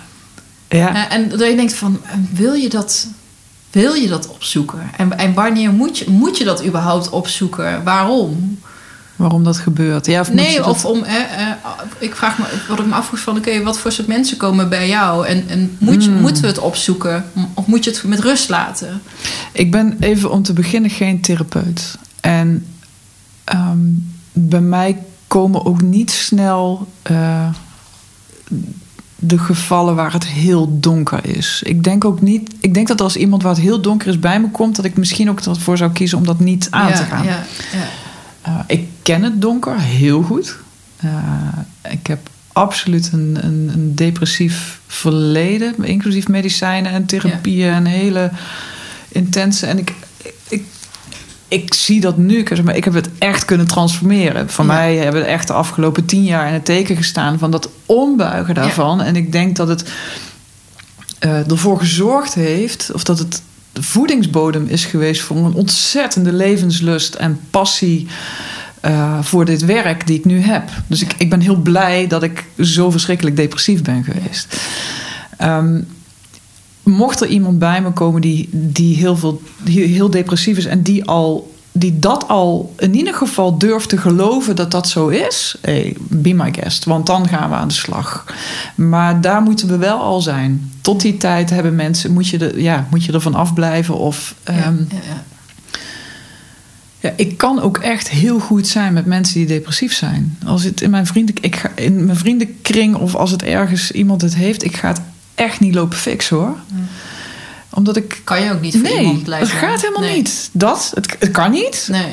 En ehm, ja, als iemand geholpen wil worden, is het een ander verhaal. Maar als iemand erin zit, ja. Het, En als iemand gelooft dat dat werk wat je doet een oplossing kan zijn. Ja. Want anders is, Ja. het, is het ook niet de oplossing. Als je het niet denkt dat dat de oplossing is. nee, en als iemand komt van, nou ja, laten we dit maar eens proberen. Dan, maar goed, het, Dat mag. Ja. Daar heb je niet van. Ja. En de reden dat ik het vroeg, want wat mij triggerde is dat, hè, dat die labeltjes die je opgeplakt krijgt. Ik, ik besef me nu pas ja, dat die blik van mijn vader ja, heel erg vormend is geweest voor, Voor mijn jou. eigen zelfbeeld. ja, Ehm, er is één, nou incident niet, maar er is één voorval. Ik woonde op kamers, mhm, 18 denk ik. Had ik me, en ik heb, er werd niet gepraat, of weinig gepraat bij ons thuis. Maar Mhm. goed, het is hè, niet het meest, war, ja wel warm, maar ook weer niet. Ja, Mhm. gewoon iedereen heeft zijn shit. Being Ja. human is fucking complicated. ja, Laten we het daar maar. Ja. Ze doen gewoon hun best. Eh, maar dat mijn vader mij eh, opbelde, huilend. En die had ik nog nooit horen huilen. oké. En die zei, eh, je ligt in de goot. Hij zei tegen jou, jij ligt in de goot. Jij ligt in de goot. Het gaat niet goed met, mij, eh, met jou. Oké, Ehm, hij heeft ook eh, net daarvoor, of in die periode, ook heeft hij altijd maar op mijn kamer, bij zich groep op zijn kamertje, zijn kantoortje. Mhm. Hij zegt: Ik zie jouw toekomst zwart. Mhm. Maak hem Mhm. alsjeblieft wit. En ik, ik nooit, ik denk dat ik me nu pas realiseer, ook al wat pas Ja. op latere leeftijd gebeurd. Ik studeerde al, ik was Ja. al wat ouder. Ten eerste zal er waarschijnlijk daarvoor ook heel veel signalen zijn geweest die in diezelfde richting hebben ge... Maar allemaal Ja. projectie van hem. Want ik denk, het gaat niet over mij, besef ik me nu. Hij zag zijn toekomst zwart. Ja. Niet die van mij. Maar denk ik, wow, dat is En heftig om die van op- jou op jou ook, geprojecteerd te krijgen. want ik maak het, het wordt onderdeel van mijn identiteit. Ja. Dus dat is super lastig. Nou, of niet, want ik heb een beetje hetzelfde zoals jij. Van, ja, weet je, ik heb zo'n fucking geweldig leven. ja, Gelukkig maar dat ik dat Ja. al heb gezien en ervaren. En er eh, zit dus in dat wat je nou vertelt, er zitten heel veel dingetjes. En kijk, misschien ziet je vader het wel. Zag hij het wel zo? Dat hij het echt zwart zag. Ja. Ja, ik denk ook echt dat hij En dat het echt dat ik, over jou ging. dat ik in de goot lag. Ik was ook echt heel rebels. Ja. En eh, losgeslagen en eh, drugs en feesten en eh, mijn ding doen. Ja. En ik zag er raar uit, gekke kleren. En ja, dus vanuit punk. een bepaald Ja. perspectief klopte het. Ja. En wat je zegt van ja, het, het legt een label op ons. Ik denk dat, dat de meningen, en zeker van onze ouders, meningen van anderen zijn heel bepalend. Ehm, maar het is wel heel belangrijk dat we gaan zien dat we dat zelf. ehm, ik zal niet zeggen dat we het zelf altijd aantrekken. Hè? Dus dat soort meningen. Maar daar zit ook hè, vanuit een bepaald perspectief. eh, als je dan kijkt naar Ja, ja, of Attraction. Ja, ja. Dat vind ik wel glad ijs. Dat vind ik eng, is, die gedachte. Is eng. En toch zit daar wel echt, als je er durft te kijken, wel heel veel waarde in. Ehm, maar als het dan op ons, naar ons toe komt en we pakken het standpunt, we hebben het niet zelf aangetrokken, het lag niet aan mij, dan is nog altijd de vraag: waar laat je het binnenkomen? Wat, wat doet je, waar gaat je systeem mee aan de haal? En ehm, wat het dus doet met je, dus bijvoorbeeld jouw vader zegt dat tegen jou. En wat, wat zie jij nu wat het met jou gedaan heeft? Wat is de impact geweest op jouw zelfbeeld? Ik geloofde hem. Ik zei, dat heb ik nooit gezegd. Ja. Want ik ging er hartstikke tegen in de weerstand Ja, ja. natuurlijk. Maar ja, hij heeft daar wel een impact mee Oké, gemaakt. en nou wat hij zei heeft impact Ja, gehad. En, En, en nou nee, hoe die, de emotie die hij overdroeg. Oké, ja. Want het was geen prater. ja. Dus dan zit het heel hoog. Ja. Dus wat hij zei en de manier waarop hij het zei heeft impact gehad. En jij zei, ik geloofde het. Nee, nu ik erover nadenk. Sorry. Ja, nee, prima. Eh, ik neem het persoonlijk. Mhm. Dus dat, dat is een beter dan. Ik, ik Ja. nam het echt persoonlijk, maar ook dat ik verantwoordelijk was voor hoe hij zich voelde. Ja, Want hij, want hij zag zijn, mijn toekomst zwart en daar voelde hij zich rot over. Dus ik voelde me schuldig dat hij mijn toekomst zwart zag. ja. Letterlijk. En je had weer het gevoel dat je daar ook weer iets mee moest. Ja, Ja. ja. En wat was de impact op je zelfbeeld of op je systeem, Nou, dat- behalve dat je je schuldig Nou, ik denk dat dat patroon van dingen persoonlijk maken en me verantwoordelijk voelen voor hoe anderen mij zien en Ja. wat het effect wat mijn gedrag, mijn houding, mijn keuzes op een ander heeft, Ja, eh, dat heeft daar een grote, heel vormend voor geweest, voor, voor dat patroontje. Nou, Ja. want dat er, als je vader dat zegt, Jezus, dat is de laatste persoon waarvan je wil dat hij zich zo over je, Over je voelt. voelt en dat hij zich uitlaat zo. ja, Ja. Dat, ik, dat ik iemand een naar gevoel bezorg. Ja. Dat. Hey, en Jeanette, als je nou kijkt en naar hoe je nu leeft en wie je nu bent, ehm, is dat nog steeds zo groot, dat persoonlijk nemen van wat anderen vinden van hoe jij leeft? Ste- Steeds minder, Steeds gelukkig. minder. Maar wat ik bijvoorbeeld niet kan, is contact hebben met, goed contact hebben met mijn ouders. Eh, want Misschien dat, dat, Ja. Ik ben ervan overtuigd dat dat wel weer komt. En dat Ja, wil ik ook wel. ja, maar dan Maar moet dat- iets geheeld worden. Daar, nog. daar is, er is even afstand voor nodig. Omdat ik denk ik ook... Als dat... eh, Mhm. meer... Nou, het, het niet binnen laten komen, laat ik het zo zeggen. Mhm. Eh, ja, want wat je net zei van hoe komt het binnen jouw systeem? Waar gaat het mee aan de haal? Hoe, hoe bedoel je dat precies? Ja, kijk, alles wat, wat binnenkomt van buiten land in een bepaalde context. Weet je, jij had net dat voorbeeld van je hebt van die dagen dat je, eh, dat je niet lekker in je vel zit. En dan is iedereen die je tegenkomt, is Ja. de slechtste versie die je van In die hoofd, persoon kan. In ja, in het ja, hoofd. ja, niet feitelijk. Nee. Nee. nee. Ehm, dat soort dagen zijn ook heel bepalend voor hoe bepaalde informatie bij je binnenkomt. Dat is exact dat. Ja, Nou, je kan zeggen er zijn dagen dat ik niet zo lekker in mijn vel zit, maar je kan ook over een bepaalde persoon, zoals je vader, een standaard, een status quo context in je systeem hebben waarbinnen dus altijd alles landt ja, en dus betekenis krijgt. ja. Ehm, eh, en dat, dat bepaalt waar het. eh, dus het gaat dan aan de haal. Of je ga, er gaat iets met je aan de haal. Ik heb Zou ook- jij. Ja, ik hem. Zou jij namelijk echt vrij zijn in wat het met je zou doen? Ehm, nou, dan zou het. Ik zeg niet dat het daarmee fijn wordt. Hè? Het is, eh, er blijft een soort basis van: hé, er is iemand om wie ik geef. eh, waar ik een bepaalde relatie mee heb. En dan laat ik nog los of hoe belangrijk ik het vind dat hij mij waardeert. Hè? Want dat Mhm. hebben we ook nog vaak in een ouder-kindrelatie. Ehm, maar wel iemand om wie ik geef. En die zegt iets wat, wat, ja, wat best. Wat eh, me pijn doet, want ik voel me rot. Zo van, hé, hey, ik geef jou... Het, ik, geef, ik, heb, ik voel me rot, ja. omdat hij zich rot voelt. ja, en dat is al bijna al, weet je, dat is al een betekenis geven aan. Dat is al aan dan is het al met je aan de haal gegaan. Ja, ja, ja. Terwijl zou je heel puur kunnen constateren dat hij zegt: eh, Ik zie dat het niet goed met je gaat. Of, hè? En we zouden beter in staat zijn om niet meteen te, in die reactie te schieten van auw of oh, nou, nou zeg je iets wat ik niet wil horen. En, hè, Of je bent het niet mee eens. ja, of weet ik ja. En vaak geven we die reactie niet meteen, maar komt die dan als we hebben opgehangen, weggelopen zijn en eh, eh, eh, of de dag erna Ja, zelfs pas. ja.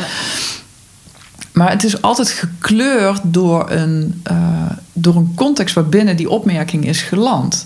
En dat bedoel ik ook met, kijk, als wij al twijfelen aan onszelf, als ons zelfbeeld laag is, of we. ehm, veel mensen herkennen het gevoel dat ze ieder moment door de mand kunnen vallen. En als je dan vraagt wat zou er dan uitkomen, dan weten we dat helemaal niet. Maar het is zo'n. Zo'n Ontmaskerd. Zo'n Ja. sluimerend gevoel van ik val dadelijk door de man. Hm, Het ja. kan, kan al gebeurd zijn doordat je als kind iets stiekem hebt gedaan wat helemaal niet zo stiekem was. Maar je hebt ergens een, Zometeen word ik betrapt. ja, een verhaal. Ja, en dat is een, een, een groter verhaal geworden in je systeem. Waarbinnen dan bepaald commentaar komt. Dus als jij inderdaad leeft met een onbewuste overtuiging: ik word dadelijk betrapt. En je vader zegt vervolgens: het gaat niet goed met jou. Dan kunnen er verbindingen in dat hoofd gemaakt worden die.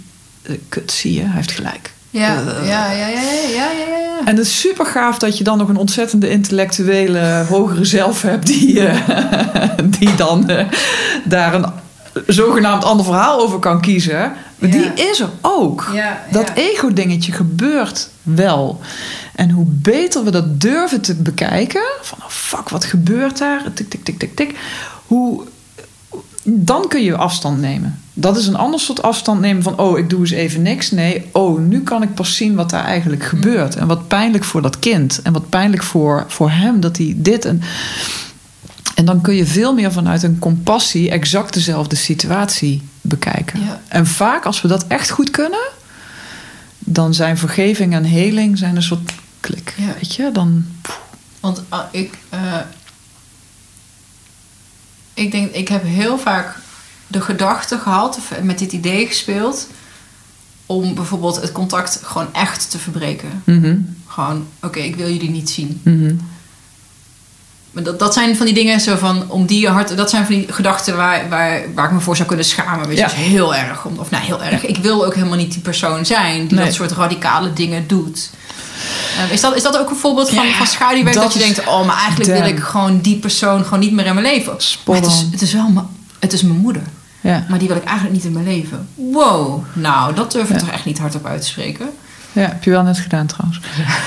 Maar ja, het, eh, ik geloof er heilig in dat het ruimte geven aan alles wat speelt essentieel is voor heelwording. En ehm, weet je, oh, Maar wat doe je dan met zo'n gedachte? Want is het, nou, is het, beginnen geeft met het richting zo zijn. van... Oh, ik- eh, want je vraagt natuurlijk af... Oké, eh, is het een goed idee of niet? Mhm. Wat voor- gevolgen gaat dat hebben? Oeh, Mhm. ik bedenk me net iets... eh, ik had laatst een nieuwe eh, intellectuele omdenken voor mezelf. Ja. Of eh, strategie, strategie voor mezelf bedacht. Ja, Toen had ik ook te twijfelen. Dat ik, oh, is dit nu intuïtie of is dit ego? Ja. Ik kon het verschil even niet. Ik was te, te, te in het denkende. ja, En toen ineens bedacht ik me, oké. Want dacht ik, waar komt die angst vandaan? Bang om het verkeerde te doen. Bang om de verkeerde keuze te maken. En Mhm. bang om een keuze te maken die onherroepelijk is. ja, Ik kom nu in een fijne relatie pas achter dat je ook gewoon even keuzes mag maken waar je op terug mag komen. Dat was Ja. voor mij helemaal nieuw. ja. ja, Zie daar ook een stukje opvoeding, denk ik. Dat, dat hele eh, strenge. Ja. Dus dacht ik, oké, hoofd zegt die kant op, hart zegt die kant op. Mhm. En dat is dan, oeh, kan je heel lang over bakkeleien. Is het een goede keuze of niet? En Ja. al die scenario's kun je allemaal niet overzien. Maar toch proberen we dat. En dacht ik, oké, stel nou dat beide keuzes de allerbeste keuze zouden zijn die ik zou Ja. kunnen maken. ja, En toen in één keer wist ik wat de keuze was. check. En toen dacht ik, wow. En net hadden we het over moeder. En Ja. ook dat ze van, oh, stel je nou de keuze hebt wel of niet. Eh, stel dat mijn leven met als mijn leven zonder. Alle twee echt mis. Heb ik hem dan liever met of heb ik het dan liever zonder? Ja. Als het toch Oh, alle twee helemaal perfect is, heb Mooi. ik dan liever wel onboord of niet om me heen? Ja. Nou, daar moet ik nog even over nadenken. Daar ben je nog niet uit in dit verhaal. Nee, omdat Nee. dit nu net zo naar binnen klopt, zeg maar. Zo Oké. van, oh, maar dat zou een manier voor mij zijn om dat soort vraagstukken te gaan bekijken. Zo Ja. van, omdat dan de uitkomst niet meer relevant is. Ja. Ik vind het wel een mooie, mooie, mooi perspectief op keuzes maken. Ik, ik kan me wel voorstellen dat het kan helpen. Dus het kan helpen bij de keuze maken van ga ik iemand wel of niet tijdelijk Ja, eh, uit mijn leven bannen. meteen, maar zelfs, ja, nou, alles is zo groot het maakt. Maar ik kan me wel voorstellen dat, kijk, als je op basis van zo'n filosofie eh, een keuze maakt, neemt dat niet weg dat je vervolgens verantwoordelijkheid te nemen hebt voor die keuze. En eh, daar, daar komen stappen uit. Weet je, Ja. ik, ik zie vaak genoeg mensen. eh, met name in de trainingen die wij geven, zo'n, ineens een keuze maken, een knoop doorhakken. Ja, fantastisch. Maar ben niet zo naïef om te denken dat je, dat dat niet, dat je geen fireback eh, kan krijgen hè, binnen een paar weken. Of Prima. dat je van mening verandert. Dat kan ook, Ja. maar be- neem verantwoordelijkheid voor een keuze. Niet alleen maar in het moment, maar ook voor de consequenties die er achteraan kunnen komen. En, ehm, maar als je zit in een soort impasse van wat jij nou noemt, weet ik veel, wil ik een bepaald iemand. eh, ik heb bepaalde gedachten over dat ik iemand niet meer in mijn leven wil. Het kan zijn dat je vraagstuk is: moet ik diegene wel of niet Daarvan op de hoogte eh, stellen. eh, ja, of uit mijn leven bannen. Ja. Hè? Dus dat is een hele praktische vraag die naar boven kan komen. Maar een andere vraag die naar boven kan komen is: wat gebeurt hier nou eigenlijk? Wat heb ik hier te leren? Waarom komt dit op mijn pad? En niet één keer, maar meerdere keren. Want daar geloof ik ook nog wel in. Ik denk dat heel veel situaties die we tegenkomen in ons leven, die pijn doen of die we ingewikkeld vinden, in ieder geval lijken op andere situaties die we al eerder zijn tegengekomen. En het patroon daarin kunnen er herkennen en erkennen. En dan gaan kijken wat daarachter zit. Uh, ik zou jou nu de vraag kunnen stellen: wat is het? Kun je in, zonder, het, zonder het verhaal, zeg maar, maar wat is de essentie wat je. Als je er niet op in wil gaan, moet je het zeker niet doen. Maar wat je moeder doet of zegt, of wat de energie waar jij, die jij niet in je leven wil hebben. Hebberig. De hebberigheid, oké. Nou, vanuit schaduwwerkprincipe uh, zou mijn uitnodiging aan je zijn om hebberigheid als een soort uh, blokje op tafel te leggen en daar naar gaan kijken. Dus dat, dat blokje hebberig heeft een aantal kanten. Eén kant kan zijn: uh, ga eens kijken waar jij hebberigheid zelf hebt. En dat niet in jezelf wil toegeven. Dat je ergens best wel hebberig op bent. Het kan heel subtiel zijn. Uh, het kan zijn dat doordat je moeder het is en je daar zo'n weerstand op voelt, dat jij iedere vorm van hebberigheid in jezelf uh, probeert te ontkennen. En hoe harder je dat probeert te ontkennen, hoe, hard, hoe hebberiger zij moet doen, zou ik bijna willen zeggen. Het is bijna een universeel dingetje wat het dan in your face drukt. Dan kom je bij dat punt van je vraagt erom. Ja, ja, ja. En uh, het zou kunnen, en ik heb geen idee, het zou kunnen dat als hebberigheid daadwerkelijk een thema is, dat het niet alleen via je moeder op je pad komt. Uh, dat, uh, dat, dat, dat het bij anderen ook wringt of wel eens iets doet. Maar dus dat is één kant van het blokje. Van heb ik hebberigheid in mezelf te erkennen? Ja. Het kan zelfs zo zijn, dat is het toegevoegde kantje aan, dat, aan die kant, heb ik misschien wat meer hebberigheid ehm, te integreren. Moet ik misschien niet eens hier en daar wat hebberiger zijn? Mm.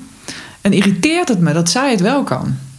Omdat ik het eigenlijk nodig heb in mijn eigen ontwikkeling. Ja. Of misschien niet eens zozeer voor jezelf, maar voor wat jij de wereld te bieden hebt. Als er een groter plan is voor jou. ehm, is hebberigheid niet daar gewoon een onderdeel van om daar wel te komen? En dan is er nog een kant van het blokje. ehm, wat gaat over. eh, en, en dan, dan kan een schaduwkant je richtingwijzer zijn, je kompas zijn als het gaat over je purpose. Als het gaat over waar je naartoe aan het groeien bent.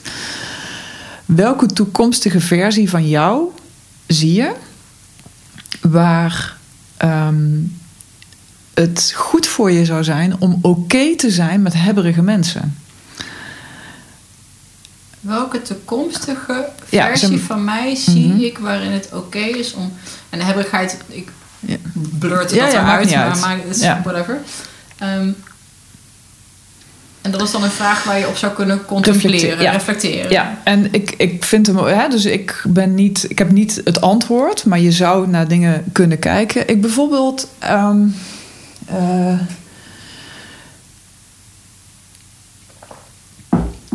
ik ben me nu ineens tot bewust van dat we een podcast opnemen en dat er mensen luisteren.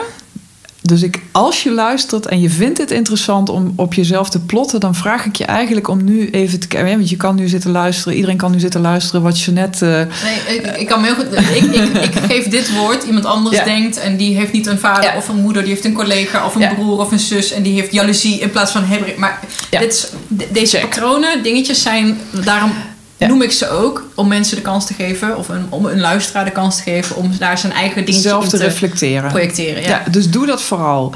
En pak maar, weet je, pak maar een term. Pak iemand die op dit moment dichtbij in je leven bepaald gedrag vertoont. En je kijkt eerst naar wie. En als er niet iemand direct in je omgeving is, kijk eens naar ehm, een bekend iemand, een politicus of een, eh, voor mijn part zelfs een bepaalde rol uit een serie die je kijkt.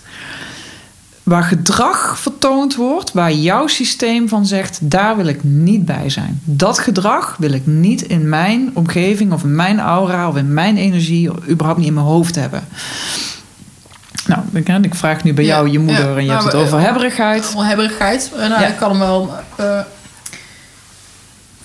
ja, mensen die het in je. eh, is ook wel een hele interessante, maar dat is meer het relationele stuk. Als mensen mij verantwoordelijk houden voor Ja. hoe zij zich voelen. Oké, stop. Dit, superhelder. Ja. Ja? Als anderen jou verantwoordelijk houden voor hoe zij zich voelen. Ja, dus er gebeurt iets Ja. en ik, ik, ik zeg iets in totaal, eh, ik kan er niks aan doen. En jij Eh, hebt daar een reactie op. Ja. Dat is een tijdje terug gebeurd. En hoe kan je Ja, dat je. thema nu bespreekbaar maken? Ik ga morgen op vakantie. Nu is mijn hele vakantie het water gevallen. En ik, ho, ho, ho. Ja. En dit is een, dit is een voorbeeld, denk ik, wat heel veel mensen herkennen. En hij heeft natuurlijk een diepere grond ook nog, weet je. Dus dit is de, de oppervlakkige, sorry dat ik het oppervlakkig noem, de oppervlakkige uiting van, deze, eh, van deze allergie. Ja. Ehm, maar er zit iets diepers onder, weet je. Maak mij niet verantwoordelijk voor jouw pijn. Ja. En die- Dat is de wat, de wat scherpere Ja. kant. Ja. Don't you dare. ja, want ik ben hartstikke entitled. Nee, echt Ja, maar het is wel, het is wel een, een gevoel wat we kunnen herkennen. Hè? Van, waag het niet om mij verantwoordelijk te maken voor jouw Ja. eh, gevoel. Nou, dat is zeker een schaduwkantje. En ik denk dat heel veel mensen dat juist meer zouden mogen ontwikkelen. Dat, dat is een van die kantjes van dat blokje wat ik zei. Kijk Ja. eens naar de kant van zou je misschien... ehm, eh, wat, zou, zou jij misschien wat meer verantwoordelijkheid moeten nemen... voor hoe jij je voelt? Ja, nee, dat, dat, Ja, dat, dat is één. Daar ben ik, dat, dat stukje, Ja. die denk ik, daarom kan ik hem ook zo goed benoemen. Ja. Daar ben ik echt mee aan de slag gegaan. Denk niet persoonlijk maken. En hoe jij op mij overkomt, Ja, heeft helemaal niks met, of wat er met jou gebeurt, Ja. heeft feitelijk eh, Niks niks, met- mij te maken. Dat is de reden waarom ik ook in een latrelatie zit. maar dat soort is, dingen één, dat is één perspectief. Maar er is ook een perspectief waarin je ook zou kunnen zeggen... mm, want ik, ik ben het super eens met het perspectief. Dus ik vind het ook lastig om die andere benadering te pakken. Maar die klopt ook om te zeggen van... hé, hey, en ik zou best eens wat meer verantwoordelijkheid mogen nemen... voor hoe anderen zich voelen door wat ik doe. En zeker ehm, voor mij persoonlijk kan het gelden in het werk wat ik doe. En ik denk in wat jij doet ook. eh, dat wij, wij moeten voorzichtig zijn met te hard roepen. Eh, dat is van jou. Ja, want dat, dat, Ja? dat thema is waar ik heel erg op zat. Ja. Weet je, van oh, Ja. ja. maar ik mag, ik mag inderdaad eigenlijk wel meer verantwoordelijk. Ik zou ehm, absoluut meer begaan bijvoorbeeld met mijn ouders kunnen zijn. En hoe ze zich voelen. Of wat er met mijn, mijn sisterwife eh, gebeurt. Maar ik, ik wil daar ook niet voor verantwoordelijk zijn. Omdat het zo hard pijn dan ook bij mij doet als het met hun slecht gaat. Zolang dingen pijn doen. Ja, zolang dingen ons pijn doen, zolang dingen ons persoonlijk raken, zolang onze ego in de kramp schiet van een opmerking of een situatie, hebben we iets te helen. Hebben we iets onder ogen te komen. En ik zal nooit zeggen dat iedereen, weet je, dat als je dit hoort of iedereen die dit hier tegenaan loopt van, oh, ik moet dus nu al mijn shit gaan opruimen. Nee, ruim je shit op als je eraan toe bent. Ja, maar, maar ben je er gewaar van? Zolang je pijn hebt van iets, is er gewoon iets te helen. En ik weet dat er heel veel mensen zeggen: ja, maar ik heb ook recht op pijn. Ja, dat klopt. Zullen mensen dat? Had ik nog nooit gehoord. Nou ja. ja oh, sorry. Grapje. ik ging bijna serieuzer op in. Ja, me- ja, mensen voelen wel enorm veel entitlement. En ik ook. En dat is ook, weet je, dat moet je ook doen. En erken en herken dat emotionele pijn is een, is een reactie vanuit een bepaalde context in ons systeem op wat er binnenkomt. Ik bedoel, als ik jou uitscheld en het doet jou pijn, ik heb je niet aangeraakt, hè? En we hebben daar helemaal ja, maar. Hè? Ja, maar als jij dat doet met een slechte intentie. Want de intentie is voelbaar. En dat is niet voor niks dat we dat kunnen oppikken bij elkaar. En dan als jouw intentie slecht is en ik word daardoor geraakt, dan heb je. Ah, ah. Het is niet voor niks dat als je dat hele zuivere mensen, en we- weet je, soms, soms komen ze ineens op je pad. Of ehm, ja, Wanneer, wanneer ben je zuiver? ja, dat weet ik. Ik weet niet. Ik vind het ook altijd link om namen te noemen. Maar ik denk dat we, als ik het heb over een, een Gandhi of een Dalai Lama, of ehm, dan. Ik moet meteen aan Barbara, ik moet aan, meteen aan Ramdas denken. Of de, de, Het zijn, er zijn best wel. Er zijn best wel mensen op de wereld, die, weet ik veel, Moeder Teresa, die in ieder geval in, hun, in, in het grootste deel van hun uitingsvorm in de wereld, dus de manier waarop ze zich neerzetten, laten zien en reageren, een zuivere space uitstralen. Ik weet zeker dat zij ook hele zwarte gedachten hebben. Ehm, maar de, ehm, wat, ik, wat ik mooi vind of wat ik zuiver vind om te zien, als, zie je als mensen wel open zijn, dus wel kwetsbaar, dus niet vanuit hardheid niet geraakt kunnen worden, maar vanuit een barmachtigheid, vanuit een hele transparante, open houding zeggen: Kom maar, weet je, je mag alles tegen me zeggen. Ja. Dat, dat vind ik een hele, ja, dat zou ik wel een hele zuivere Ja. space noemen. Dan heb je zelf, dan, dat je zelf geen triggers Ja, daar meer, Ja. geen triggers ervaart. ja. ja, ja. ja. En, ik, en eh, schaduwwerk is daar wel op gericht. Op, op het ja, zuiveren, zuiveren van je space. En waarom is, is het zo belangrijk om ook naar die donkere kanten te kijken? Weet je, alles bestaat bij de gratie van de polariteit. Ik bedoel, we hebben dag omdat we nacht hebben. We hebben app omdat we vloed hebben. We hebben, hè, dus ik vroeg in- dat laatst aan een boeddhistisch leraar. Ja. Ik, van, en toen was het van, ja, weet je eh, de, eh, prachtig mooi dat er intens zijn. En dan gaat iedereen naar de, de, de, de warme kant, de Ja. lichte kant, de witte kant. Ik denk, er moet toch net zoveel zwart als wit zijn? Check. Er moet, Ja. anders zijn we toch... Ja, ja. Dat kan toch niet? uit balans. En Dus dan, oh, ook- nee, nee. Dus de schaduwwerk, Maar dat is ja, wel vervelend om te, zeggen. Want, Nou ja, hoezo? nou ja, ik, Vanuit welk perspectief nou, dat lijden niet fijn is natuurlijk. En dat is ook maar een, een concept. Eh, ik bedoel, ik hou, niet, ik hou niet van pijn. Niet van fysieke pijn, niet van emotionele pijn. Maar ik kan het wel steeds meer op waarde inschatten en waarderen. Ehm, omdat, omdat die polariteiten wel bestaan. En ik, het is echt niet dat ik denk dat je net zoveel geluk als ongeluk in je leven moet hebben. Maar ja, ik ontkom er ook niet aan om zowel bij mezelf te herkennen als bij al die processen die ik bij mensen begeleid, om te zien dat, dat de intensiteit van de uiterste ehm, voedt, ja, voedt die polariteit ook. Dus op het moment dat ik heel succesvol wil worden, hè, maar ik ont, en ik ontken dat een deel van mijn psychologie bang is voor falen bang is voor onderuitgaan. Ehm, zichzelf een mislukking vindt. Ja? Dus als hier een, een stemmetje is van... je krijgt echt helemaal, geen, helemaal niks voor elkaar. Uiteindelijk stort toch alles in. En ik jaag alleen maar mijn succes en mijn geluk na. En ik negeer dat stuk. Onherroepelijk komt het op een dag naar boven. Dit is natuurlijk waar de Big Leap over gaat. eh, waar heel veel filosofieën over gaan. Dat als je de ene kant alleen maar najaagt die andere, zo, die kun je als een bal onder water duwen, maar op een dag komt die naar boven. En afhankelijk van hoe diep jij iets weg hebt geduwd, met die intensiteit zal het zich laten zien. Ja, want in de Big Leap, Gay Hendricks noemt het alsof Ja. je wordt teruggetrokken.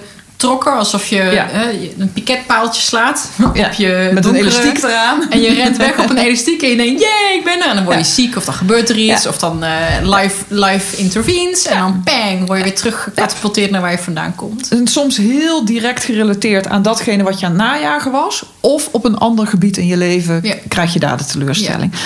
Maar het feit is wel dat de, de wet van aantrekkingskracht hier ook weer geldt. Omdat het heel erg gaat vanuit resonantie. Dat wat jij ontkent in jezelf wil niet zeggen dat het er niet is.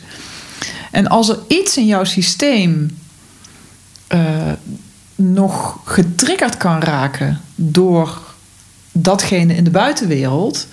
Dus jij bent voor succes, maar een deel van jou is wel gevoelig, sensitief voor Afwijzing. afwijzing, Ja. niet willen falen. Het mag niet misgaan, het mag niet misgaan. Er hoeft maar een kans zich aan te dienen, of in jouw zogenaamde bewustzijn zich voor aan te dienen. En je pakt hem, je pakt hem persoonlijk. Zie je wel, bam. En je kan, hè, en met, het kan allerlei gevolgen hebben. hè. Het kan een dag eh, je minder voelen zijn, maar het kan ook een. Eh, Ik, ik, moet, ik moet gaan lachen. Dat Ja. komt.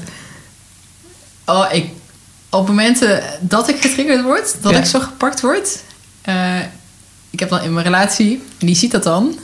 En dan, oh, dat wordt echt, dat is allemaal zelf opgelegd. Oh, dat wordt pissig, jongen.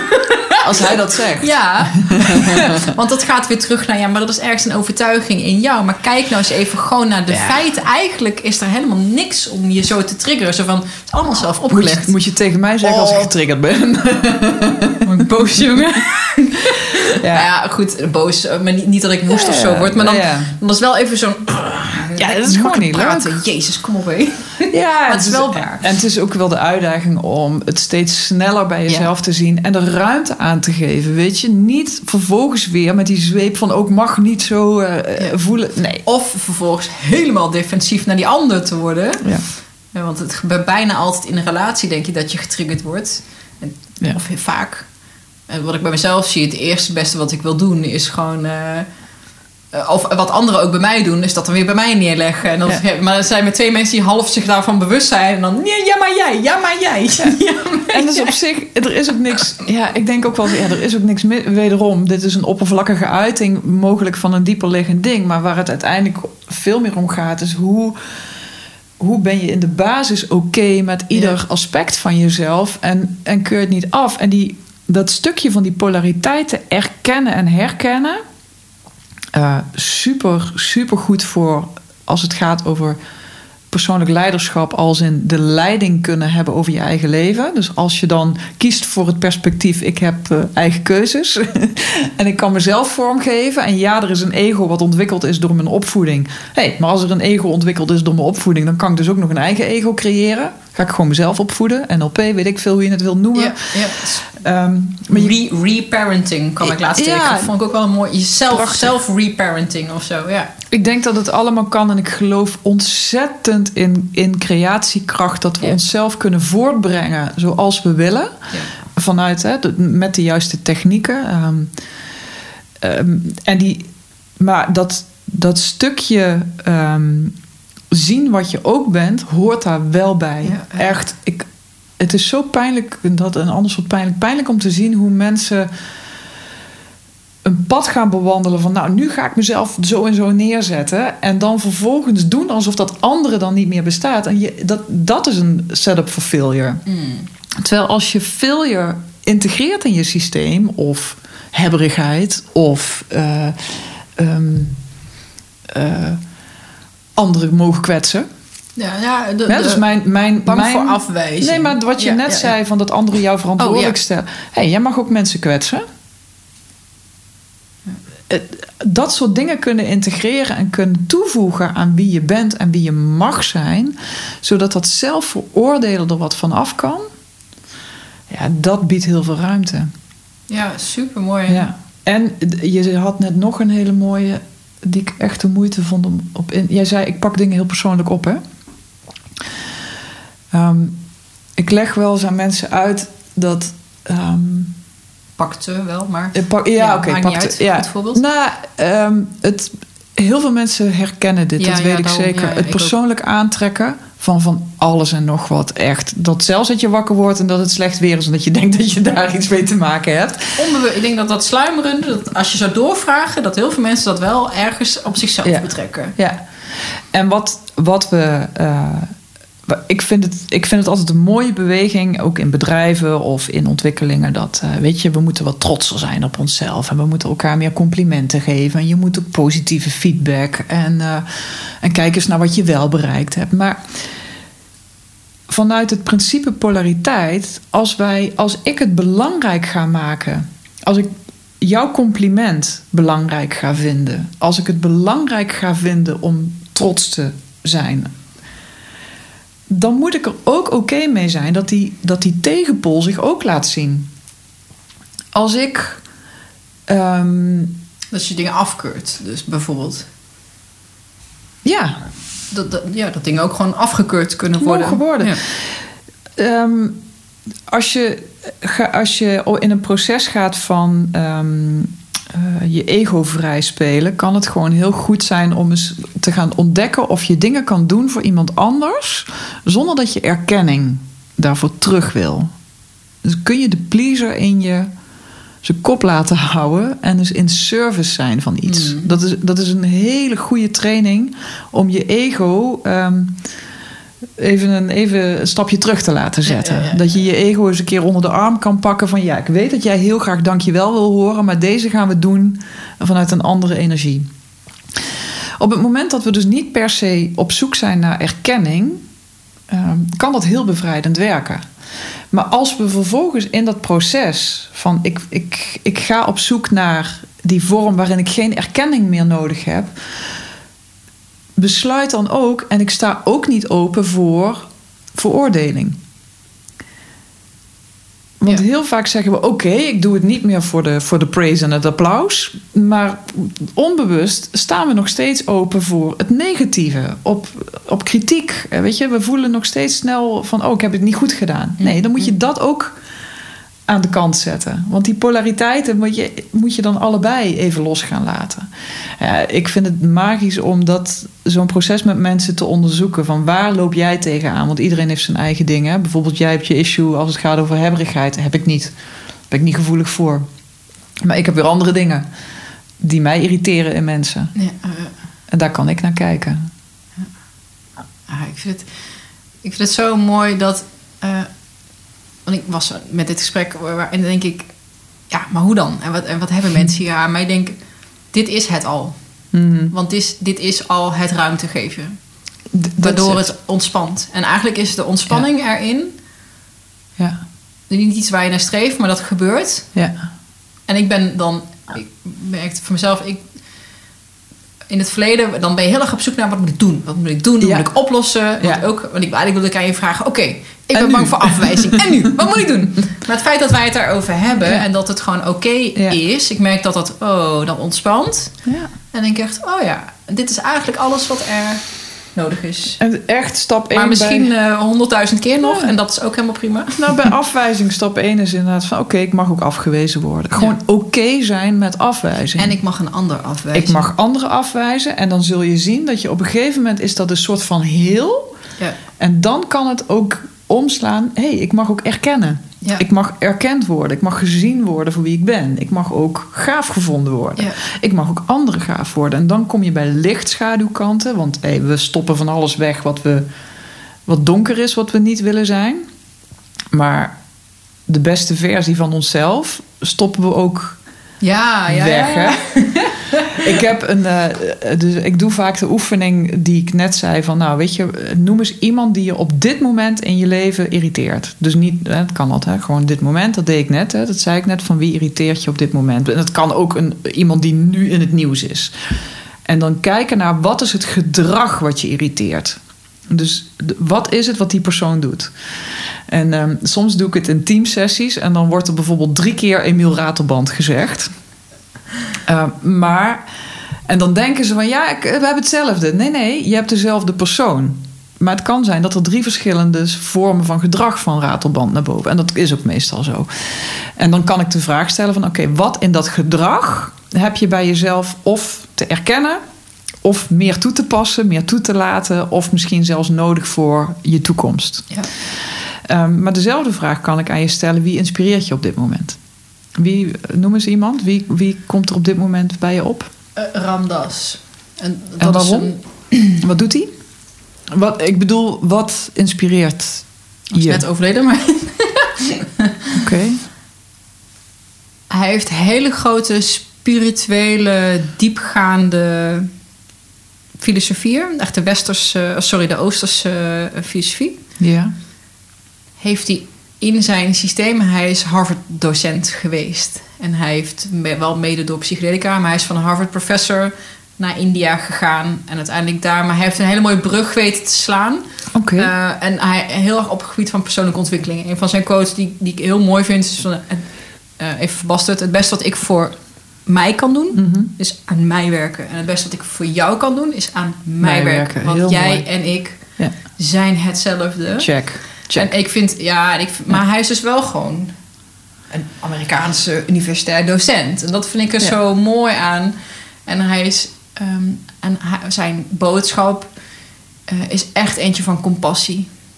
Wat ik, I am loving awareness. Dat is zijn, zijn mantra, zeg maar. I am loving awareness. Dat, dat, dat is wie ik ben. Wacht. Om weer terug naar... En die Ja. essentie die jij noemt, hè, dat I, eh, ik, ik I ken am hem niet, loving awareness, sorry ja. daarvoor.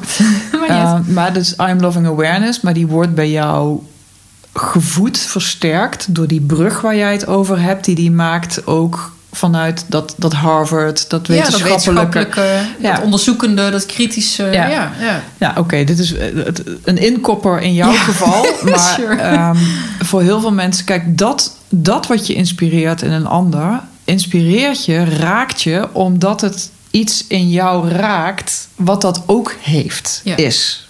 Herkend. Wat herkend wil worden. Wat ingezet wil worden. En ik durf zelfs te zeggen, als je kijkt naar een bepaalde periode in je leven, zelfs in een bepaalde week, van wie inspireert je deze week en om welke kwaliteit, dan is dat exact de kwaliteit die jij op dit moment kan inzetten voor de uitdagingen waar je op dit moment tegenaan loopt. Dus in jouw geval het, het een brug kunnen slaan tussen eh, spirituele, spiritualiteit en oosterse wijsheid en het wetenschappelijke stuk is voor jou op dit moment de, de sleutel voor Ja. hetgeen waar je op dit moment misschien Ja. tegenaan loopt. eh, Ik heb, of er, ik heb er nog een hele leuke. klopt die? Ik wil even checken. Ja, nee, nee, hij- absoluut, toepassen? absoluut. Ja, ja, ja. Want, en heel erg gericht op wat, wat ik aan het doen ben en wat ik mooi vind. En eh, eh, Alan Watts is nog zo'n ander voorbeeld van iemand die gewoon met ene been hier staat en met zijn andere been daar. Maar daar wel, en dat ook helemaal, dat is ook helemaal oké. Daar Ja. is zijn eigen, vind ik enorm inspirerend. Maar Pipi Langkous, dat is echt mijn jeugdheldin. Ja. Nog steeds. Ik heb het nog nooit gedaan, dus ik denk wel dat ik het kan. Ja. Als ik kijk naar wat ik nu aan het doen ben. Nou, Is dat is dat? spot on wat ik nu aan het doen Ik heb nog nooit een bedrijf gebouwd. Ik. Maar dit, dit gaat heel groot worden. En dat, Ja. en dat, maar ik heb het nog nooit gedaan. Maar ik denk wel dat ik het kan. ik, Maar nee, dat is ik weet zeker dat ik het maar kan. dat, dat, soort, dat soort kleine, dat ogenschijnlijk kleine inspiraties Ja. kunnen je, ja, kunnen je zo supporten als je durft te zien. Want dat is ook durven, want het is echt van een schaduwkant. Ehm, durven zien dat dat een kwaliteit van je is. Dat wat je waardeert in een ander, heb jij Ja, ook. ja. Anders kun je het niet herkennen. Ja. It takes one to know one. Ja, dus ga, ga ja, ja. Ik, ik kan niet vaak genoeg tegen mensen zeggen gewoon wat je triggert, positief of negatief, heb je op dat moment iets mee te doen. Is eigenlijk je gratis cadeautje. Mm. We zijn soms zo in ons hoofd op zoek naar de oplossing voor een, voor een probleem. Gaan het proberen te bedenken. Gaan plusjes en minnetjes en weet ik veel. En eh, gaan aan andere mensen vragen: wat denk jij? Terwijl als mensen met een probleem bij mij komen en, en na de vraag: wat denk je zelf, komen ze er niet uit. Zeg ik: oké, wie inspireert je op dit moment? Waarom? Oké, wat zou die dan? Wat zou die zeggen? Oh ja. Dat Wie, het zo, wie eh, irriteert je en waarom? Oké, wat doet diegene dan? Ja, Oké, wat heeft dat te maken met het probleem waar je op dit moment tegenaan loopt? Oh, fuck. En da- zie daar dan ook de rol van een coach, maar ook of een goede vriend. Het maakt niet Om uit die wie. spiegel. Om, om, Ja. omdat, er gewoon, om, omdat je zo meegezogen wordt Ja. in dat verhaal. eh, terwijl het zo simpel kan zijn. Het, is zo, het kan zo simpel zijn. En inderdaad, iemand dat laten spiegelen of de juiste vraag laten stellen, iets te laten zijn, ontspannen, ontspannen, ontspannen in wat is. Nou, laat deze podcast dan Check. daar hopelijk een eh, bijdrage aan leveren. Ja, Is er een, nou, heel veel vragen die ik standaard stel, die ik eigenlijk helemaal niet aan Oh, toegekomen ben? Of nou, je- eh, lees je graag? Eh, jee. Eigenlijk lees ik heel graag, maar ik doe het heel weinig. Ehm, en nu deze periode, als ik lees, zijn het luisterboeken. Je, waar luister je nu naar bijvoorbeeld? Ik zit nu aan het einde van De meeste mensen deugen. Oh ja. En ik zou het zo fijn vinden als iedereen dat boek leest. Heb jij hem gelezen? Ja, maar je bent echt lijkt de tiende of zo die dat tegen me zegt. en niet voor niks, denk ik. Niet voor Ja. niks. Ja, ik, ehm, ja, ik, vind het, ja, ik vind het knap wat hij heeft neergezet. En ik vind het een... ehm, eh, ik werd er blij van. Als in het, ik, ik kreeg heel veel glimlach, omdat er ook echt hele grappige dingen in staan. Maar ik werd er ook blij van, omdat het een soort, soort nieuwe hoop, een Ja, nieuwe ja, hoop ja. geeft. Ja. Ja, heel fijn, heel eh, soothing. Oké, ja, ik denk dat ik het dan maar gewoon eh, aan moet. En luisteren is een aanrader. Het is lekker om te luisteren naar. Heeft omdat- zelf ingesproken? Ja, en dat vind ik ook bij de Big Leap. Als iemand het zelf voorleest, krijg je ook de intrinsieke energie mee. Ja. En ik vind eh, dat bij Rutger ook het geval. Ja. Sowieso, als je mensen hoort praten. Ik heb dan Jan, een aantal podcasts met Jan Goorts geluisterd. En hem natuurlijk ook zelf eh, Ja. geïnterviewd en ook meegemaakt op retraite. Als ik nu een boek van hem lees, dan hoor ik Jan. Ja, Eh, en Ja. dat geeft het ja werkt heel nog goed. meer Ja. Diepgang. Ja. Of, of betekenis. Ja. Ja, ja, en ik vind het heel lekker om dat te doen. eh, het liefst tijdens het lopen. Dus echt een, een uur gaan wandelen en ja. ja. Ik denk dat heel veel mensen deze podcast op die manier eh, luisteren. Ik hoop het. Ja. Ja. Wauw. Eh, is er nog iets waar je denkt, oh, dit hadden we echt eventjes moeten bespreken? Of dat wil ik zo graag nog even in de groep gooien? Nee. Ja, er is van alles wat ik nog met je zou willen bespreken. Maar, eh, weet je, wat doen we nog zes? eh, maken we Nou nog... ja, het was ook niet bedoeld als therapiesessie voor mij, maar ik denk meer gewoon als voorbeeld. Heel fijn dat je dat wilde doen, trouwens. Omdat het werk wat ik doe zich niet... Het is moeilijk om het alleen maar te omschrijven. je kan het moet het uitleggen. even zien. Ja, het, je eh, moet er even instappen en het... eh, ja, Even voor iedereen luistert, I'm fine. ja, ja, ja, geen traan gelaten ook. nee. Ja. En ik denk dat ik Ja. best wel... Nou, ik, ik weet niet zo goed dat het woord geïntegreerd dan precies inhoudt. Maar ik denk dat ik best wel daar een goede balans in heb. Dus Ja. daarom durf ik, of daarom kan ik dit ook. Ja. Dit heeft verder voor mij geen... Geen impact. Ik Mensen hoeven je nu niet een berichtje te sturen met... eh, Ja, precies. Hang in there. Nee, maar wat ik wel, Ja. wat ik, wat ik wel echt heel mooi vind, Jeanette... En dat, dat is dat jij... Jij voelt stabiel daarin. Je bent stabiel genoeg om onstabiel te kunnen zijn. En dat is ook wat ik zei. Dat integreren van die polariteiten. En dat... Ik, je komt totaal niet instabiel Nee, over. maar ja. ehm, ik voel ook dat je daar niet... Dat je dat niet probeert weg te duwen of zo. Dat als dat wel naar boven zou komen, dat dat ook oké is. Ja, Ja. ja, is ook zo. mooi. Dank je daarvoor. Ah, jij voor deze, wat is het? Eh, niet generale repetitie, maar voor deze display Ja. van wat het inhoudt om schaduwwerk te doen. Ja, Want daar was ik wel echt heel erg benieuwd. ja. Mooi. Ja, dankjewel. Dat was hem. Dankjewel voor het luisteren. En je bent tot het einde gekomen, dus ik hoop dat je hier waardevolle inspiratie uit hebt gehaald. En als dat zo is, eh, voel je vrij om bijvoorbeeld een eh, screenshotje te delen op je, in je Instagram stories of mij een berichtje te sturen. Of om je te abonneren of uiteraard een fijne review of 5 sterren rating voor me achter te laten. Daar maak je mij ontzettend blij mee namelijk.